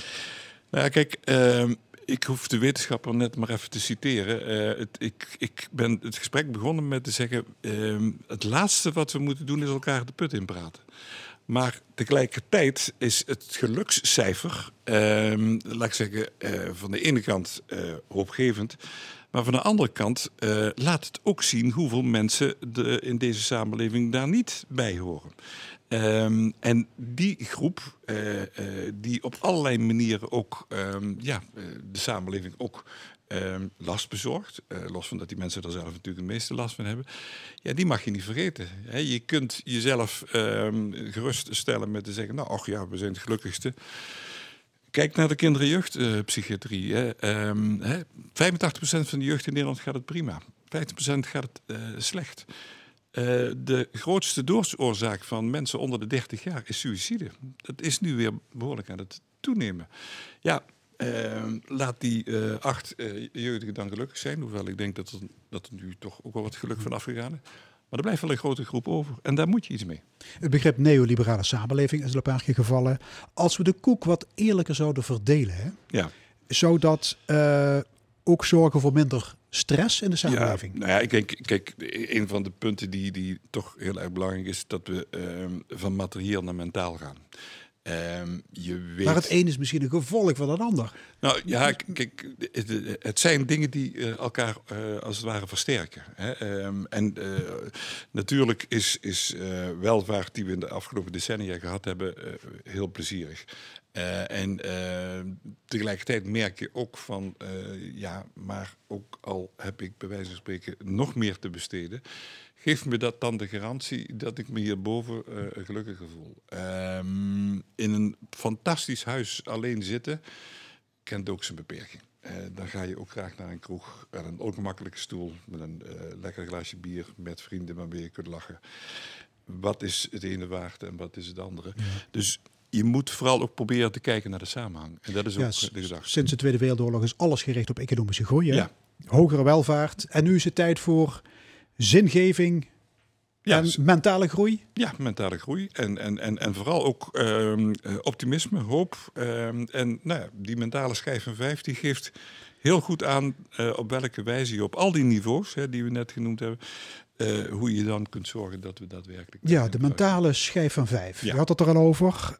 Betekenis, prestaties, emoties, betrokkenheid en relaties. Dat zijn En daar krijg je mentale kracht van. Als je Ja. daar steeds iets uitput Ja, uit die schijven. En, en dat, eh, precies, en dat hebben we eh, ook geprobeerd. Eh, eigenlijk kun je ehm, al die, die, die vijf onderdelen van die mentale schijf van vijf, die kun je voor jezelf als individu heel duidelijk eh, ehm, eh, gebruiken. Ja. Die kun je ook voor je directe omgeving gebruiken. Die kunnen bedrijven ook heel goed gebruiken. En die kan de overheid goed gebruiken. En dat maakt dat ieder zijn eigen, ehm, ja, laat ik zeggen, huiswerk heeft om daarmee aan de slag te En dat moet leiden tot een leven vol betekenis, betrokkenheid en blijdschap. Ja. Valt, valt dat te leren? Eh, je, we weten uit... Iedereen zal zeggen, van, dat we- willen we allemaal. Ja, nou, maar, maar dat, dat valt zeker eh, te leren. Kijk, we weten in de, we- eh, uit de wetenschap en uit de onderzoeken hè, dat, dat als je bijvoorbeeld op het eind van de dag tegen jezelf zegt van goh, ehm, wat, voor wat voor paar dingen ben ik nu echt dankbaar vandaag? En je doet dat systematisch, ga je toch anders tegen je eigen leven aankijken. Dat kan een bedrijf ook. Hè? Ehm, dat kan een overheid ook. Ehm, dat kan een krant kan dat ook. Hè? De overlijdensadvertenties die zijn eh, veel eh, meer in aantal dan de geboorteadvertenties. Terwijl je vreugde en blijdschap eh, en verdriet natuurlijk toch naast elkaar mag Ja, dan kom je in de buurt van mindfulness. ja, nou ja, maar er is ook. Ik, ik heb in, in, in eh, Amerika voorbeelden gezien eh, in, in, in, in school in, in, Baltimore, waar ontzaglijk veel ehm, criminaliteit was in die wijk.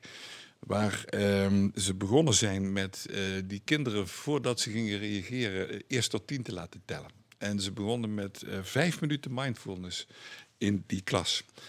De criminaliteit in die wijk, in die buurt, nam substantieel af. Dan kun je zeggen, ja, maar ligt het dan precies daaraan? Nou, eh, als je niet geleerd hebt om even na te denken en er gelijk op los te timmeren, dan is de kans dat je blijft doortimmeren een stuk groter dan dat je denkt, even nadenken, misschien even anders het gesprek aangaan. Dus, en zo zijn er talloze Ja. voorbeelden, want we weten wat werkt. Zou psychologie een plek moeten krijgen in het onderwijs? Ja, als het, eh, als het ehm, zo is dat we lichamelijke gezondheid, en dat is ook prima, en gymnastiek en, en, en verkeerslessen, noem maar al die dingen op, als we die belangrijk vinden, waarom dan niet, hoe leer je nou met elkaar praten, hoe leer je luisteren? Maar ja, kinderen hebben al de grootste moeite met, met rekenen en lezen en schrijven. Ze moeten Ja, ook psychologie gaan... eh, Maar als je dan hiermee aan de slag gaat, dan wordt die moeite misschien ook wel anders, omdat ze denken van, nou, wat kan ik er eh, aan hebben? En eh, mag ik soms ook zeggen dat ik er geen zin in heb? En mag je dan soms ook leren dat je denkt, nou, dingen eh, hoef je niet altijd zin in hebben om ze toch goed te kunnen vinden doen. Meneer Van Burgt, ja, we moeten gelukkiger worden. Niet individueel, maar collectief. En daarom moet er naast het energieakkoord, pensioenakkoord en preventieakkoord een mentaal akkoord komen. Jullie komen met twintig aanbevelingen in het boek. Noem er eens twee. Nou ja, eh, als je eh, eerste hulp bij psychische problemen. Hè, we hebben eh, de EHBO-cursus. Ehm, nou, er bestaat ook een cursus voor hoe ga je om met psychische problemen. Wat doe je als iemand heel angstig is of, of heel verwacht of, of met suïcide denkt. Nou, dat is, dat is één voorbeeld. Wetenschappelijk bewezen dat het helpt. Eh, mensen worden er handelingsbekwamer van. Eh ander voorbeeld is dat je zegt van nou laten we ook een eh, mentaal voedingscentrum maken. Hè, we hebben het voedingscentrum, we hebben RIVM, we verzamelen heel veel informatie waar we ook echt allerlei dingen mee kunnen doen. doe dat ook met dingen die met mentale gezondheid te maken hebben. Kun je prima uh, uitvoeren. Ja, en er zou een minister moeten komen van mentale zaken. Is dat serieus? Uh, ik ben tot nog toe heel serieus geweest hier. Okay. Dus de, is er al een brandbrief naar de chain gestuurd? Nou, ik heb het boek is aangeboden aan, aan staatssecretaris ehm, Paul Blokhuis. En, en, en nou ja, die onderschreef het gedachtegoed van harte. nou weet ik niet of hij terugkomt in het kabinet, maar um, dit heb je niet van vandaag en morgen. Hier moeten we volhouden. Nee, ja, u bent vandaag hier op de Limburgse Radio. Hoe moet dit verhaal, dit brede verhaal, verder worden uitgedragen? Nou, op de allerlei initiatieven. We zijn uh, bezig uh, ja, met een beweging hè, vanuit mensen van allerlei uh, achtergronden, of het nou sport, bedrijfsleven of noem maar op. We zijn bezig met een aantal ambassadeurs te zoeken die dat ook echt goed kunnen, kunnen uitdragen. We zijn bezig met programma's te maken voor het bedrijfsleven. VNO en CW is erg uh, geïnteresseerd om daar uh, iets mee te doen. Uh, we zijn bezig met, met kijken of we richting onderwijs wat zaken kunnen, kunnen doen. En de boodschap vaak veel vertellen. Ja, kortom, het offensief zit er aan te komen. We zijn is er bezig. al mee bezig. ja, oké. Okay. Het boek Mentale Vooruitgang is een uitgave van de Argumentenfabriek. Joep Verbucht, bestuursvoorzitter van de GGZ Eindhoven. Hartelijk dank. Graag gedaan. Zometeen neemt het opiniepanel de actualiteit van de afgelopen week door. Rezi Koumans is er met haar column, maar eerst Travis. Why does it always rain on me?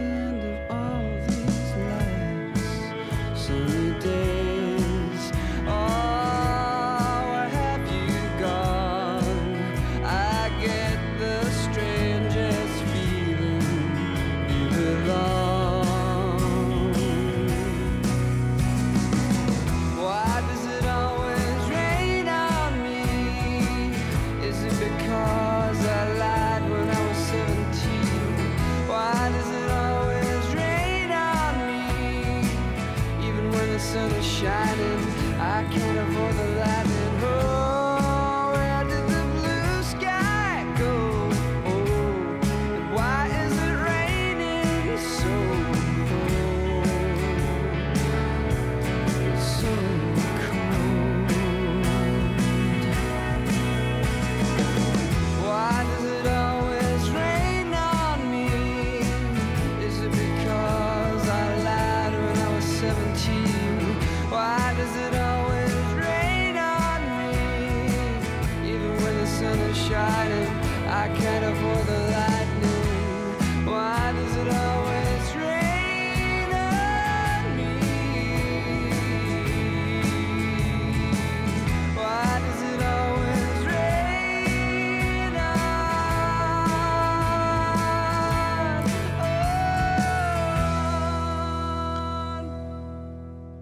Why Does It Always Rain On Me? Dat was de formatie Travis. U luistert naar L1 Radio, meer speciaal naar de stemming. We zijn er iedere zondag van 11 tot 1 met interviews, discussie, opinie, duiding en een column. De column. Vandaag met Rezi Kouwmans. Mam, ik wil een ijsje. Nee, schatje, nu niet. We gaan dadelijk eten. Nee, niet eten. Ik wil nu een ijsje. Nee, nu niet, heb ik gezegd. Luisteren nu. Ik wil een ijsje. Allee dan, maar dan wel een heel kleintje. Wem is het nu schuld dat dat wicht toch dat ijsje krijgt? De jengel zelf of die moeder die toegaf om van het gezeik af te zien? Ik gewoon voor het laatste. En in dit geval staat die moeder voor ons demissionaire kabinet. Ze hebben zich door de jengelende burgemeesters en het sentiment bij het volk dat snakt naar versoepelingen laten chanteren. Het begrijp me niet verkeerd, hè. Ik ben op zich blij met alle versoepelingen die zouden kennen. En zeker die misselijke avondklok.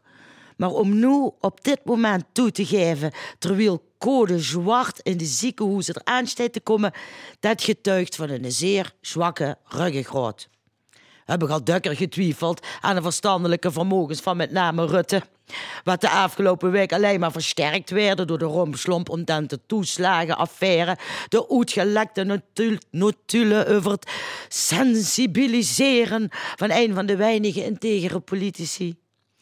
En dit debakel dat werden onlangs vergezeld van de puinhoppie in de provincie.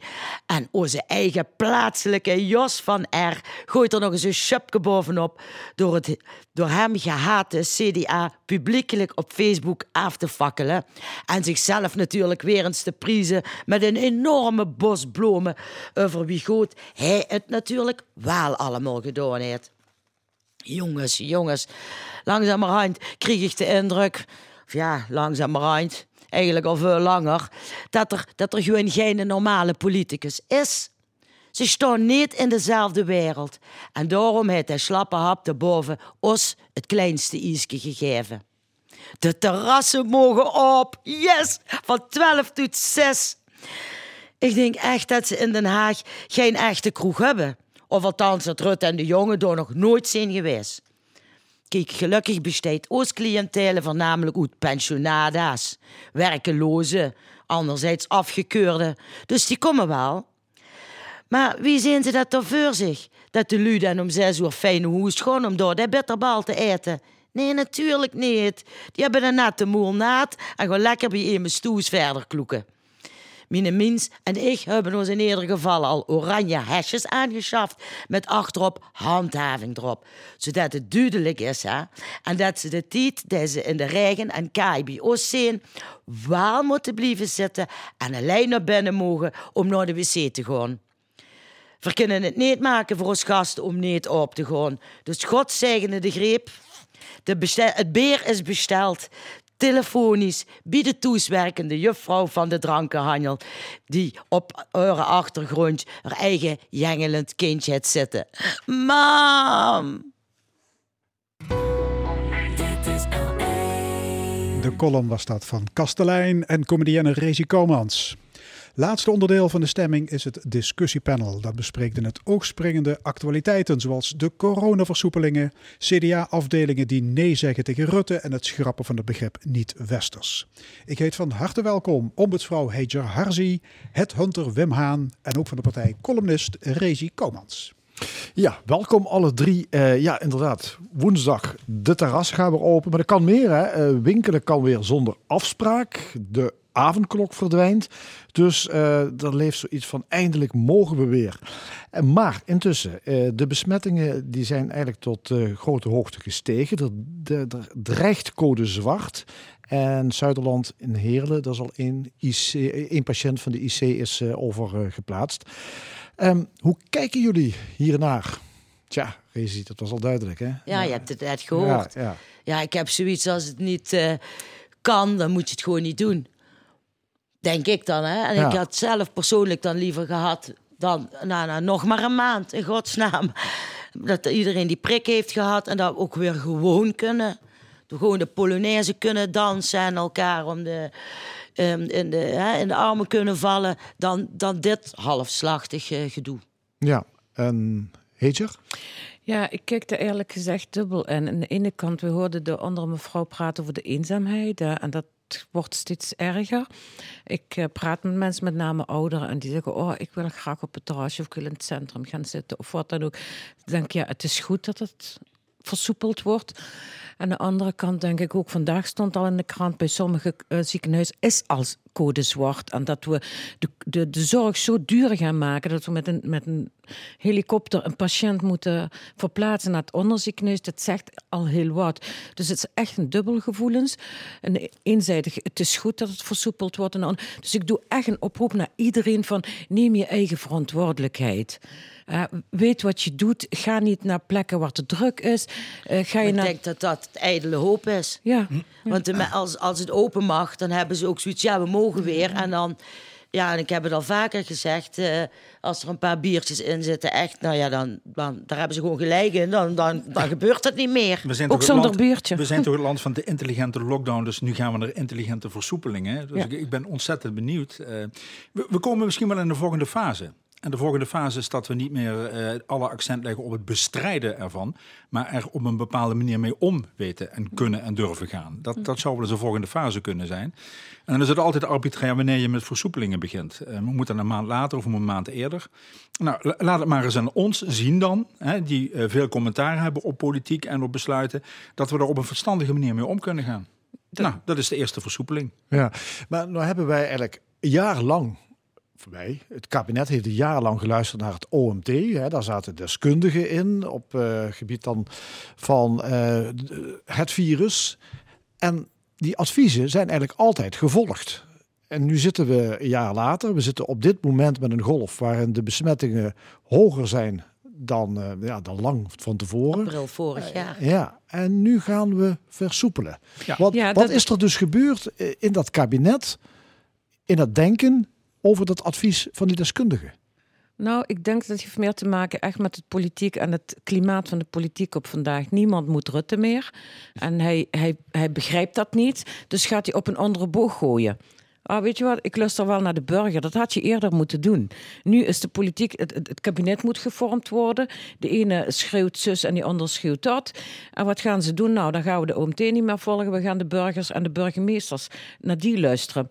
Dus het is echt een politiek eh, besluit en geen eh, gezondheidsbesluit. Of, eh, die, die kijkt niet meer naar, naar, naar wat, wat gebeurt er nu in Nederland. Wat is er aan de hand? Die kijkt echt naar zijn, naar zijn eigen gewin, naar, naar het kabinet. Hoe gaan we die formeren? En nu gaan we zoiets doen. Oh, hola, de mensen zijn blij. Ik heb daar niet zo vertrouwen in. Het is echt één persoon of twee personen die dat voor hun eigen dat doen. Het is echt een politiek besluit.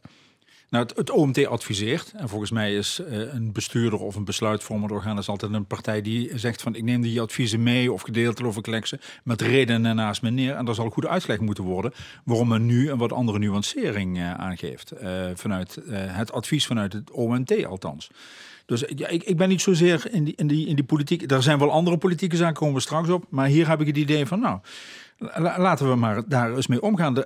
Wat veranderd is, is dat er meer gevaccineerd is. Wat veranderd is, dat er uh, een zomer aan gaat komen. Dat we meer buiten kunnen zijn.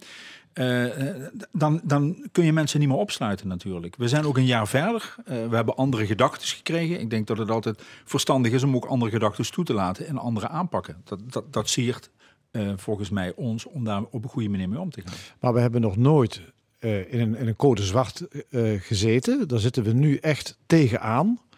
Is het niet bloedlink om op dit moment die versoepelingen toe te staan? Nou, zo, zo, het is zeker link. Ik weet niet of het bloedlink is. Maar dan is het aan ons hoe we met die versoepelingen natuurlijk omgaan. Zeker. Heb, je, heb je daar vertrouwen in? Ik heb er op een groot, groot gedeelte heb ik daar wel vertrouwen in, ja. Ja, daar heb ik echt op een groot gedeelte wel vertrouwen in. Ik zie, ik zie Rezi uh, eigenlijk al lachen. Ja, nou kijk, het is net uh, als de koeien de wei in mogen, hè, met de lente. Hoe ze, hoe ze springen en hoe ze huppelen. En, en ik denk uh, dat, dat dat nu ook gaat gebeuren. Dat de mensen echt zoiets hebben van, oh ja, we mogen weer. En dan, dan krijg je, en het is logisch, hè. En ik ben, ik ben er ook blij om. Ik, bedoel, ik vind mezelf redelijk verstandig. Ik neem mijn eigen wel overwogen risico's. Met wie ik wel of niet eh, eh, omga in deze tijd. Dus ik hoop dat ook inderdaad meer mensen dat doen. Maar ik denk echt, als ik, ik twijfel echt, ik denk echt dat ze massaal eh, hup, naar buiten gaan en vieren. En een uitgelaten stemming komt waar En de misschien grens- de, de, de ge- gedragsregels her en der ehm veronachtzaamd worden. Ja, want het heeft wel een aanzuigende werking op, op mensen. Hè? Dat feit dat de Tuurlijk. terrassen weer open gaan, je mag weer Er winkelen zijn zonder mensen die hebben zich verlof gepakt. Woensdagmiddag. Echt, ja, want ik, ik zeg wel lachend, de pensionada's en werkelozen. En dat is ook zo, natuurlijk. Die hebben er geen moeite mee. Maar er zijn echt mensen die hebben zich woensdagmiddag vrijgepakt. Dat je om 12 uur bij mij op het terras... Ik heb al 20 aanmeldingen om 12 uur woensdag.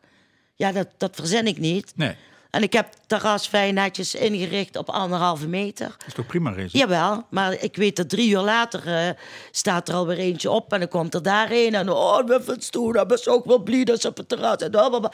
dan moet ik wel zeggen, zitten blijven. Je mag nee, niet opstaan. Ja, ik kom er zo aan. Ja, ik, dat is vorig jaar zo geweest en dat wordt nu nog erger. Dus ik denk in die zin dat ze de verantwoording en de handhaving... dat ze het zelf niet meer kunnen handhaven in die parken en alles... dat ligt nu bij ons. Ja, maar ja, Heger zegt, eh, Ja, het is wel belangrijk voor ons mentale welzijn. Als we dan aansluiten op het, eh, Ja, eh, het gesprek hiervoor. Ja. Ja, dit is heel belangrijk. Echt waar. Nogmaals, de mensen zijn het moe. Die zijn daar klaar mee. En ik, ik denk en ik heb hoop dat ze ook klaar daarvoor zijn. Dat ze eigen verantwoordelijkheid nemen. Dat ze weten dat ze moeten gaan zitten. eh, iets drinken, praatje maken. En dat we naar huis een kans geven aan een ander. Niet in rijen gaan staan voor de winkels. Eh, Het zijn de mensen ook waar je het minst van verwacht. Hè? Ja. Die zo eh, dan zich daar niks van Ik aantrekken. vind, ik vind het wel altijd zo'n argument, daar ben je klaar mee. Dat hoort een beetje bij de column van Rezi. Dat is zo'n kind dat zegt, ik ben er klaar mee om, eh, eh, Ja. eh, om mijn vingers getikt te worden. ik. Nou, er zijn toch ook wel andere dingen dan een terras bezoeken Soms of wat moet je dan ook ook. hè? luisteren. Nou, dus eh, als, als we er niet klaar mee kunnen zijn, zijn, kun je er wel klaar mee zijn, maar dan hoor je nog altijd wel te gedragen. We zijn klaar met de corona en met die beperkingen allemaal. Dus we moeten nu klaar voor zijn om die opening goed mee om te gaan. Ja, dat komt ik. ook omdat de minister-president zegt van we zitten nu op een plateau Ja. en straks gaan die cijfers Omlaag. ste- stevig omlaag. Dus hij lokt het zelf een- toch een beetje uit, Ja, ja. dit, dit gedrag, zal ik maar Ja. zeggen. Of hij geeft perspectief. Of Ja. ja. Kan Ja. maar, Het ja. woord kan ik ook niet meer horen. Ja. Ja. Maar licht aan de tunnel. Want dit is Maar- ook geen perspectief, Maar, er is, hè, want het kost maar, alleen maar maar geld. je ziet nu eerst patiënt overgedrag van, van, vanuit Heerlen naar een ander ziekenhuis. Er is ook een, een brief van een groep intensivisten van eh, een groot aantal ziekenhuizen, waaronder Weert. Eh, een brandbrief. De grenzen van de IC-capaciteit zijn bereikt. Denken jullie dat het inderdaad woensdag doorgaat? Of zal het kabinet misschien toch nog gaan luisteren en een andere beslissing nemen? Is dat nog denkbaar? Ik denk dat het doorgaat. Die, die gaat niet meer terug. Dat heeft hij de vorige keer wel gedaan. Deze keer gaat hij echt niet doen. Nou, alles is denkbaar. Ja. Ik hou er rekening mee. Ja, ik heb het bier wel al besteld, dus ik hoop dat het nu wat langer eh, goed blijft. Hè, ik heb alles wat over de datum is. eh, maar ik hou er Nee, wel ik- rekening denk- mee. ik- ik-. Nee, ik denk niet dat het eh, denkbaar is. Ik- want dan kom je bij iets anders. Dan, dan, dan gaat er iets anders een rol spelen of het eh, echt verantwoord is. Dan, dan, dan ga je gezichtsverlies Ja. leiden. En dan, dan, dat, dat kan in de huidige fase niet. Nee, dus nee. het wordt ook op een andere manier voor uitvergroot. We gaan naar een ander onderwerp. Meer dan 20 CDA-afdelingen willen niet dat hun partij deelneemt aan een kabinet met Mark Rutte als premier. Want onder zijn leiding is het parlement jarenlang onvolledig en verkeerd geïnformeerd over de toeslagenaffaire en daardoor is de geloofwaardigheid van de overheid aangetast. Deelname van het CDA aan een kabinet Rutte 4 is, ik citeer, ongeloofwaardig en geen optie. Wat vinden jullie van deze brandbrief, opgesteld door het CDA Heerlen? Ja, ik, Wim Haan? ja. Ik, ik had een, een, eh, een brandbrief van Rutte verwacht dat hij zegt: Ik wil alleen nog maar met het CDA verder als omzichtminister worden of iets dergelijks. Ja, ik, ik, ik moet er eigenlijk wel om lachen, een beetje ergernis, maar om lachen dat juist het CDA daarmee komt. En dan ook nog heel erg specifiek persoonlijk hè, van, van, op, op Rutte dan. Ik ben niet altijd een Rutte-fan. Ik vind dat hij een aantal dingen goed doet. Maar dit vind ik... goh, er- erg kort door de bocht. En, en ook wel een beetje vloeken in de kerk als dat. eh, Maar leg eens uit. Nou, eh, eh, ik denk dat het CDA even eh, zijn of haar mond, ik weet niet precies hoe het geformuleerd moet worden, moet houden over Het dit soort CDA. zaken. Het CDA, dus Het. de, de mond houden over dit soort zaken. Eh, het gaat niet om Rutte. CDA zou misschien, wat, wat ik heel krachtig had gevonden als het CDA had gezegd, wij gaan de komende, in deze periode gewoon absoluut niet regeren. We gaan eerst intern orde op zaken stellen. We gaan met een aanpak komen die ontzettend goed is. En daar willen we kiezers mee krijgen en de rest van Nederland mee krijgen. Dat ze zeggen, geef dat CDA alsjeblieft de kans om onderdeel uit te maken. Maar Dus niet- dit is te veel op de man spelen. ja, dit is te veel op de man spelen. maar ook vanuit het CDA, die toch, toch nu ook wel in een fase zit, en dan, eh, heel landelijk gezien, dat er best een aantal zaken wel fout gegaan zijn. Eh, even voor de duidelijkheid, CDA was ook een partij die in de regering zat, waar dit heeft plaatsgevonden natuurlijk, hè, in de ministerraad. Heet je Harzi? Ja, ik vond het echt een camouflage. We vergeten wat in Limburg gebeurt, daar de Vriendjesrepubliek. En dan gaan we even op landelijk focussen. Weten we nog hoe het toen met de PVV is gegaan? Ah, we regeren niet mee, daar zijn ze toch aan zee mee gegaan. Al die affaires is CDA een deel van. Altijd, toen die, die toeslagaffaire, daar zit, daar zit CDA ook die regeert mee. Waarom nu op de man? Dat heeft de ChristenUnie ook gedaan. Dat heb ik de vorige keer ook gezegd. Waarom zeg Maar je op zo'n die dag... brief is niet van de partijtop, die is van de achterban. hè? het zijn net- afdelingen net- ja, die net, zeggen van... Net, net waar de problemen zijn. Net van Heerlen. Als het nou van, van Den Haag kwam of zo, dan... Ja, ik heb ook gelachen. Ik denk, ja, kijk eens van wie. Van, van, van Limburg. Een partij uit Limburg waar het helemaal niet meer eh, geloofwaardig zijn. Waar de ene probleem naar de andere is. Waar echt een journalist de rol van een volksvertegenwoordiger doet. Die echt onderzoek gaat doen. Waar gedeputeerden zijn vertrokken. eh, gronden die zomaar worden verkocht. eh, dat we een andere demissionair, dat een, een waarnemende gouverneur moeten halen. Gaat die zeggen, het CDA moet anders. Inderdaad, het CDA moet stoppen met regeren tot ze zaken op orde zijn overal in het land. En dan mogen ze een brief schrijven en dan mogen ze zeggen, wij verdienen het vertrouwen terug, we willen het vertrouwen terug en we willen mee gaan doen. Maar nu is echt camouflage en Ja, in die, lachertje. die brief wordt het machtsdenken van het CDA verketterd. Dus ze hadden eigenlijk zo'n brief moeten sturen aan het CDA Limburg. Juist. Aan zichzelf. Ja, Dit- aan zichzelf, ja. Als ik, als ik zeg. Ja, ja. ja. ik vind het ook eh, de hypocrisie ten Ja. top. Maar goed, nou eh, zeggen we eh, thuis ook al van ja, wie moet het dan gaan doen? Want er blijft ook niet, veel over dan om te regeren natuurlijk. Want het is, het is allemaal één pot nat. Nou, het is niet één pot nat, maar het, wat nu uitvergroot wordt, is toch eh, dat er heel veel schijnlijk he- echt politiek op en top bedreven wordt. Namelijk, als jij dit doet, doe ik dat voor jou. En onderhuids. En het hoeft niet eh, bekend te worden. Dus ik ben heel benieuwd naar wat een Kamer dadelijk ook met de uitgelekte notulen gaat doen. Omdat een Kamer nadrukkelijk nog altijd een regering ter verantwoording kan roepen. Ja. Dus het, het- wij hebben toch wij hebben onze stem gegeven aan onze Kamerleden die nu iets kunnen en iets moeten doen. Ja, nou ja, dat hoop ik dan. Want Ja, ze dat- hebben dat nooit gemogen dus, blijkbaar. Want als ze het wel doen, dan worden ze gesensibiliseerd. Ja, we komen straks nog Ja. even terug op die, Ja. op die notulen. Maar die brief, hè, dat is eigenlijk één grote bewieroking van eh, Tweede Kamerlid Pieter Omzicht. Ik citeer, zijn verhaal wordt breed gedragen in de maatschappij. We hebben goud in handen, 342.000 voorkeurstemmen. Maar is steun voor Omzicht automatisch een blokkade voor Rutte? Eh, dat denk ik niet. Maar ik vind het omzicht had gewoon niet bij het CDA moeten blijven, zelf al. Die had gewoon zelf moeten zeggen, ik stap op. Want als jullie me zo laten vallen, dan... Ja, tenminste menselijk gezien, hè. Dus ik snap zijn redenatie niet dat hij überhaupt bij het CDA blijft. En ja, het, het op de man spelen is ook een trend, hè. Dat is de laatste jaren eh, steeds erger. Ik merk dat bij ons eh, gemeentelijk ook. Wordt altijd op de persoon gespeeld. Dat is, dat is natuurlijk. vaak, laat het me zo zeggen. Dat is in, in de naam Rutte valt. Dat is in het kader van Rutte natuurlijk wel het geval, omdat zijn portefeuille en zijn eh, populariteit enorm breed uitgemeten is. Eh, ik heb nergens iets over bijna VVD gehoord, maar ik heb het vooral over Rutte gehoord en het VVD-programma en waar men voor staat. En andere politici heb ik weinig of niet gehoord. En dat vond ik wel het chique van eh, de, de fractievoorzitter Wopke. dat hij nadrukkelijker zei: ons past nu is bescheidenheid. Nou, en dat duurt dan eh, vier dagen, geloof ik. Ja, juist er tussen zeggen en doen is een groot verschil, hè? Nou, dan, nu, dan nu nog bescheiden. Wij Ja. bemoeien ons er niet mee. We hebben eerst orde op zaken. We gaan een visie ontwikkelen waar het land eh, naartoe is. Andere manieren van transparantie enzovoorts. En sociaal en rechtvaardig, dat zijn begrippen die als je die zou neer kunnen zetten, kun je wel degelijk een eh, regering gaan vormen. Nog niet zo heel lang geleden was het hele CDA Limburg voorstander van samenwerking met de PVV van Geert Wilders. Nog je had het er al over. ja. En nu mag het CDA niet in een kabinet zitten met Rutte. Maar Rutte Dit is, toch een totale ja, koersverandering, ja, of Rutte niet? is de VVD. Dus hoe kunnen ze die persoon, het echt op de persoon die niet...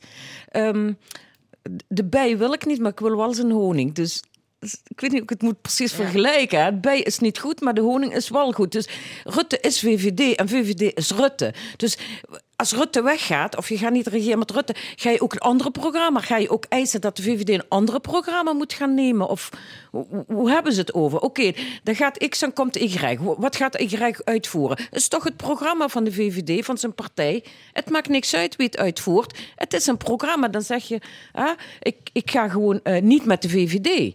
Met die programma of die weg ga ik niet meer inslaan. Dus dan zeg ik, lieve CDA, ga gewoon orde op zaak doen en dan kom terug. de VVD eh, deze afgelopen campagne wel heel erg ook op Rutte geleund. Hè? Want je zag alleen maar Rutte als de eh, leider van het land. En ik heb het hier zo goed... Ik heb heel weinig spotjes gehoord van de VVD staat hiervoor of daarvoor. Kun Maar dat hebben alle uitzoeken. partijen gedaan. Hè? Maar dat op- hebben alle partijen gedaan. nee, ja. maar ik vind, ik vind de Ik eh, zie ook Marijnse VVD alleen maar het gezicht. En ik zie ook alleen maar Jesse Klaver. En ik maar heb ook alleen maar... we De... wel nog over, eh, over partijinhoudelijke dingen. Ja, En Oké, niet, eh, gaan- niet alleen over We gaan naar een eh, ander onderwerp. Het, het CBS, Centraal Bureau voor de Statistiek, eh, wil stoppen met de tweedeling westers-niet-westers. Eh, die laatste term die zou namelijk negatieve associaties oproepen. Heetje, ja, ik kom toch maar meteen bij jou zo terecht. Wie ben jij? Pa- Pas Wie jij, ben ik? Wie ben ik? Ik Pas ben... jij, pas eh, jij het kolommetje ja. niet-westers, denk je, bij het CBS? Ik, ik, eh, ik, ja, ik, ik heb het gelezen. Ja, ik pas daarin. Hè? Ja? Ja, ja, niet westers. eh, je bent eh, ja. geboren in Tunesië. In Tunesië, ja. Ja. Ik, ik pas daarbij en ik heb er absoluut geen moeite mee. Waarom? En dat was die meneer van Eindhoven, zei daar ook over. Bijvoorbeeld, eh, in de medische termen is heel belangrijk. Noord-Afrikanen hebben andere genen. En in het dossier, buiten de naam, ik kan ook eh, eh, Marie heten, maar toch geboren elders. Dan weten ze ook de genen. Dat is een bepaalde ziektes die alleen maar in Afrika komen of eh, in, in Azië of wat dan ook. Dus Ja. wat dat betreft, bij medische termen mag voor mij blijven. ja, diabetes bijvoorbeeld komt meer voor, geloof ik, bij Hindoestaanse, ja, Surinaamse en mensen. daarom, Nou ja, dat dus bij, dan- bij medische termen of onder, medische onderzoeken, dan denk ik, het moet geen dilemma zijn. Het moet alleen maar goed en voordelen hebben. Aan de andere kant, ze zeggen dat het racistisch is of dat werk racistisch is. Dan vraag ik me af, hoe zit dat in de verhouding tussen mannen en vrouwen op de werkvloer? Heeft dat met westers en niet-westers te maken? Echt niet. Henk en, en, en Ingrid, die, die zitten samen aan- bij één werkgever. Maar Henk verdient meer dan Ingrid. Dus Wester of niet Wester, het heeft daar niks mee te maken. Ik ben voor een inclusieve samenleving. Het maakt niks uit waar je vandaan komt, maar wat beteken je voor de samenleving? Of je een Limburger bent of een Amsterdammer, het maakt niks uit. Gewoon wat lever je in? Dus ik heb zo'n gevoel, waarom moeten we die discussie weer aangaan? En waarom westers en niet westers? Als die weggaat, is goed, dat heeft geen toegevoegde waarde. Gaat dis- discriminatie niet eh, wegwerken. En als dat blijft, ook eh, geen probleem. Dus ik, ik zie niet echt de reden dat dat, omdat dat discriminerend of dat dat anders geeft. Ik zie ook het verschil in diversiteit, gehandicapt en niet gehandicapt. Dat wordt ook niet gelijk behandeld. Snap wat ik bedoel? Dus eh, voor mij ehm, maakt dat niet veel uit dat hij er is. Liever dat Ja. hij blijft, dan weten ze het ook. Eh, als het een onderzoek is of zo, dan weten ze het ook waar het vandaan komt. En hoe gaat een onderzoeker dat eh, zijn werk goed doen? Eh, die doelgroep, die komen daar vandaan in de wetenschap. is handig, maar verder... maar zie je- ik, ik heb dat Ja. dus proberen te analyseren. Door, Ja. Dan ga ik het vervangen door eh, je bent van hier of niet van hier. Eh, westers of niet, of niet westers. Dat, dat klinkt, het klinkt toch bijna hetzelfde. Westers is een norm, dat zijn wij. En niet westers is alles wat er buiten zit. Ja, maar Ja. ligt eraan waar ga je het plaatsen? Maar- ga je maar- het waar, waar, waar je de grens legt. Waar leg je die grens dan? Want wij, wij, wij, wij zitten toch op het oostelijk halfrond en niet Oh, op het ja. westelijk halfrond. Ja. Als je het door Greenwich... eh, vanmorgen toevallig even opgezocht. denk ik, ja, dat is geologisch bekijken waar het dan westers van afkomt. Maar dat komt dus niet van het westelijk halfrond of Nee. zo, waar je dan ja, nog gewoon een, een, een aardrijkskundige benaming zou kunnen geven. Dus dat betreft klopt het dan niet. Maar, maar zegt het veel? Want je, je hebt bijvoorbeeld kenniswerkers uit India, duidelijk niet-westers. Eh, ja, het verschilt nogal van een vluchteling die van het platteland van, van Eritrea komt, De bijvoorbeeld. man zelf geeft de lading na. Hoe, hoe gebruik je het? Hè? Uit India of Japan of China of wat dan ook. Eh, die zijn hoog opgeleid, die komen. is, is Ja. anders. Hoe, hoe geef je de lading daarop? Westers of niet westers? Als ze tegen mij zeggen: Je bent een allochtoon, ja, dat ben ik. En dan? Eh, begrijp je niet? Nee, ik begrijp het wel. Dus dat ligt aan jezelf. Hoe neem je het op? Ja, maar is met alles, hè? Ja, met alles. Ook in Limburg. Ik kom in Schiphol en zeggen ze een allochtoon met een Limburgse accent. Daar ben ik trots op. Met een paspoort. Met een, pas, met een Oh, Nederlandse paspoort ook nog. Ja, maar da- daar ben ik trots op. Een Ja, andere je- vindt dat discriminerend. Dus het Ja. ligt echt aan die persoon zelf.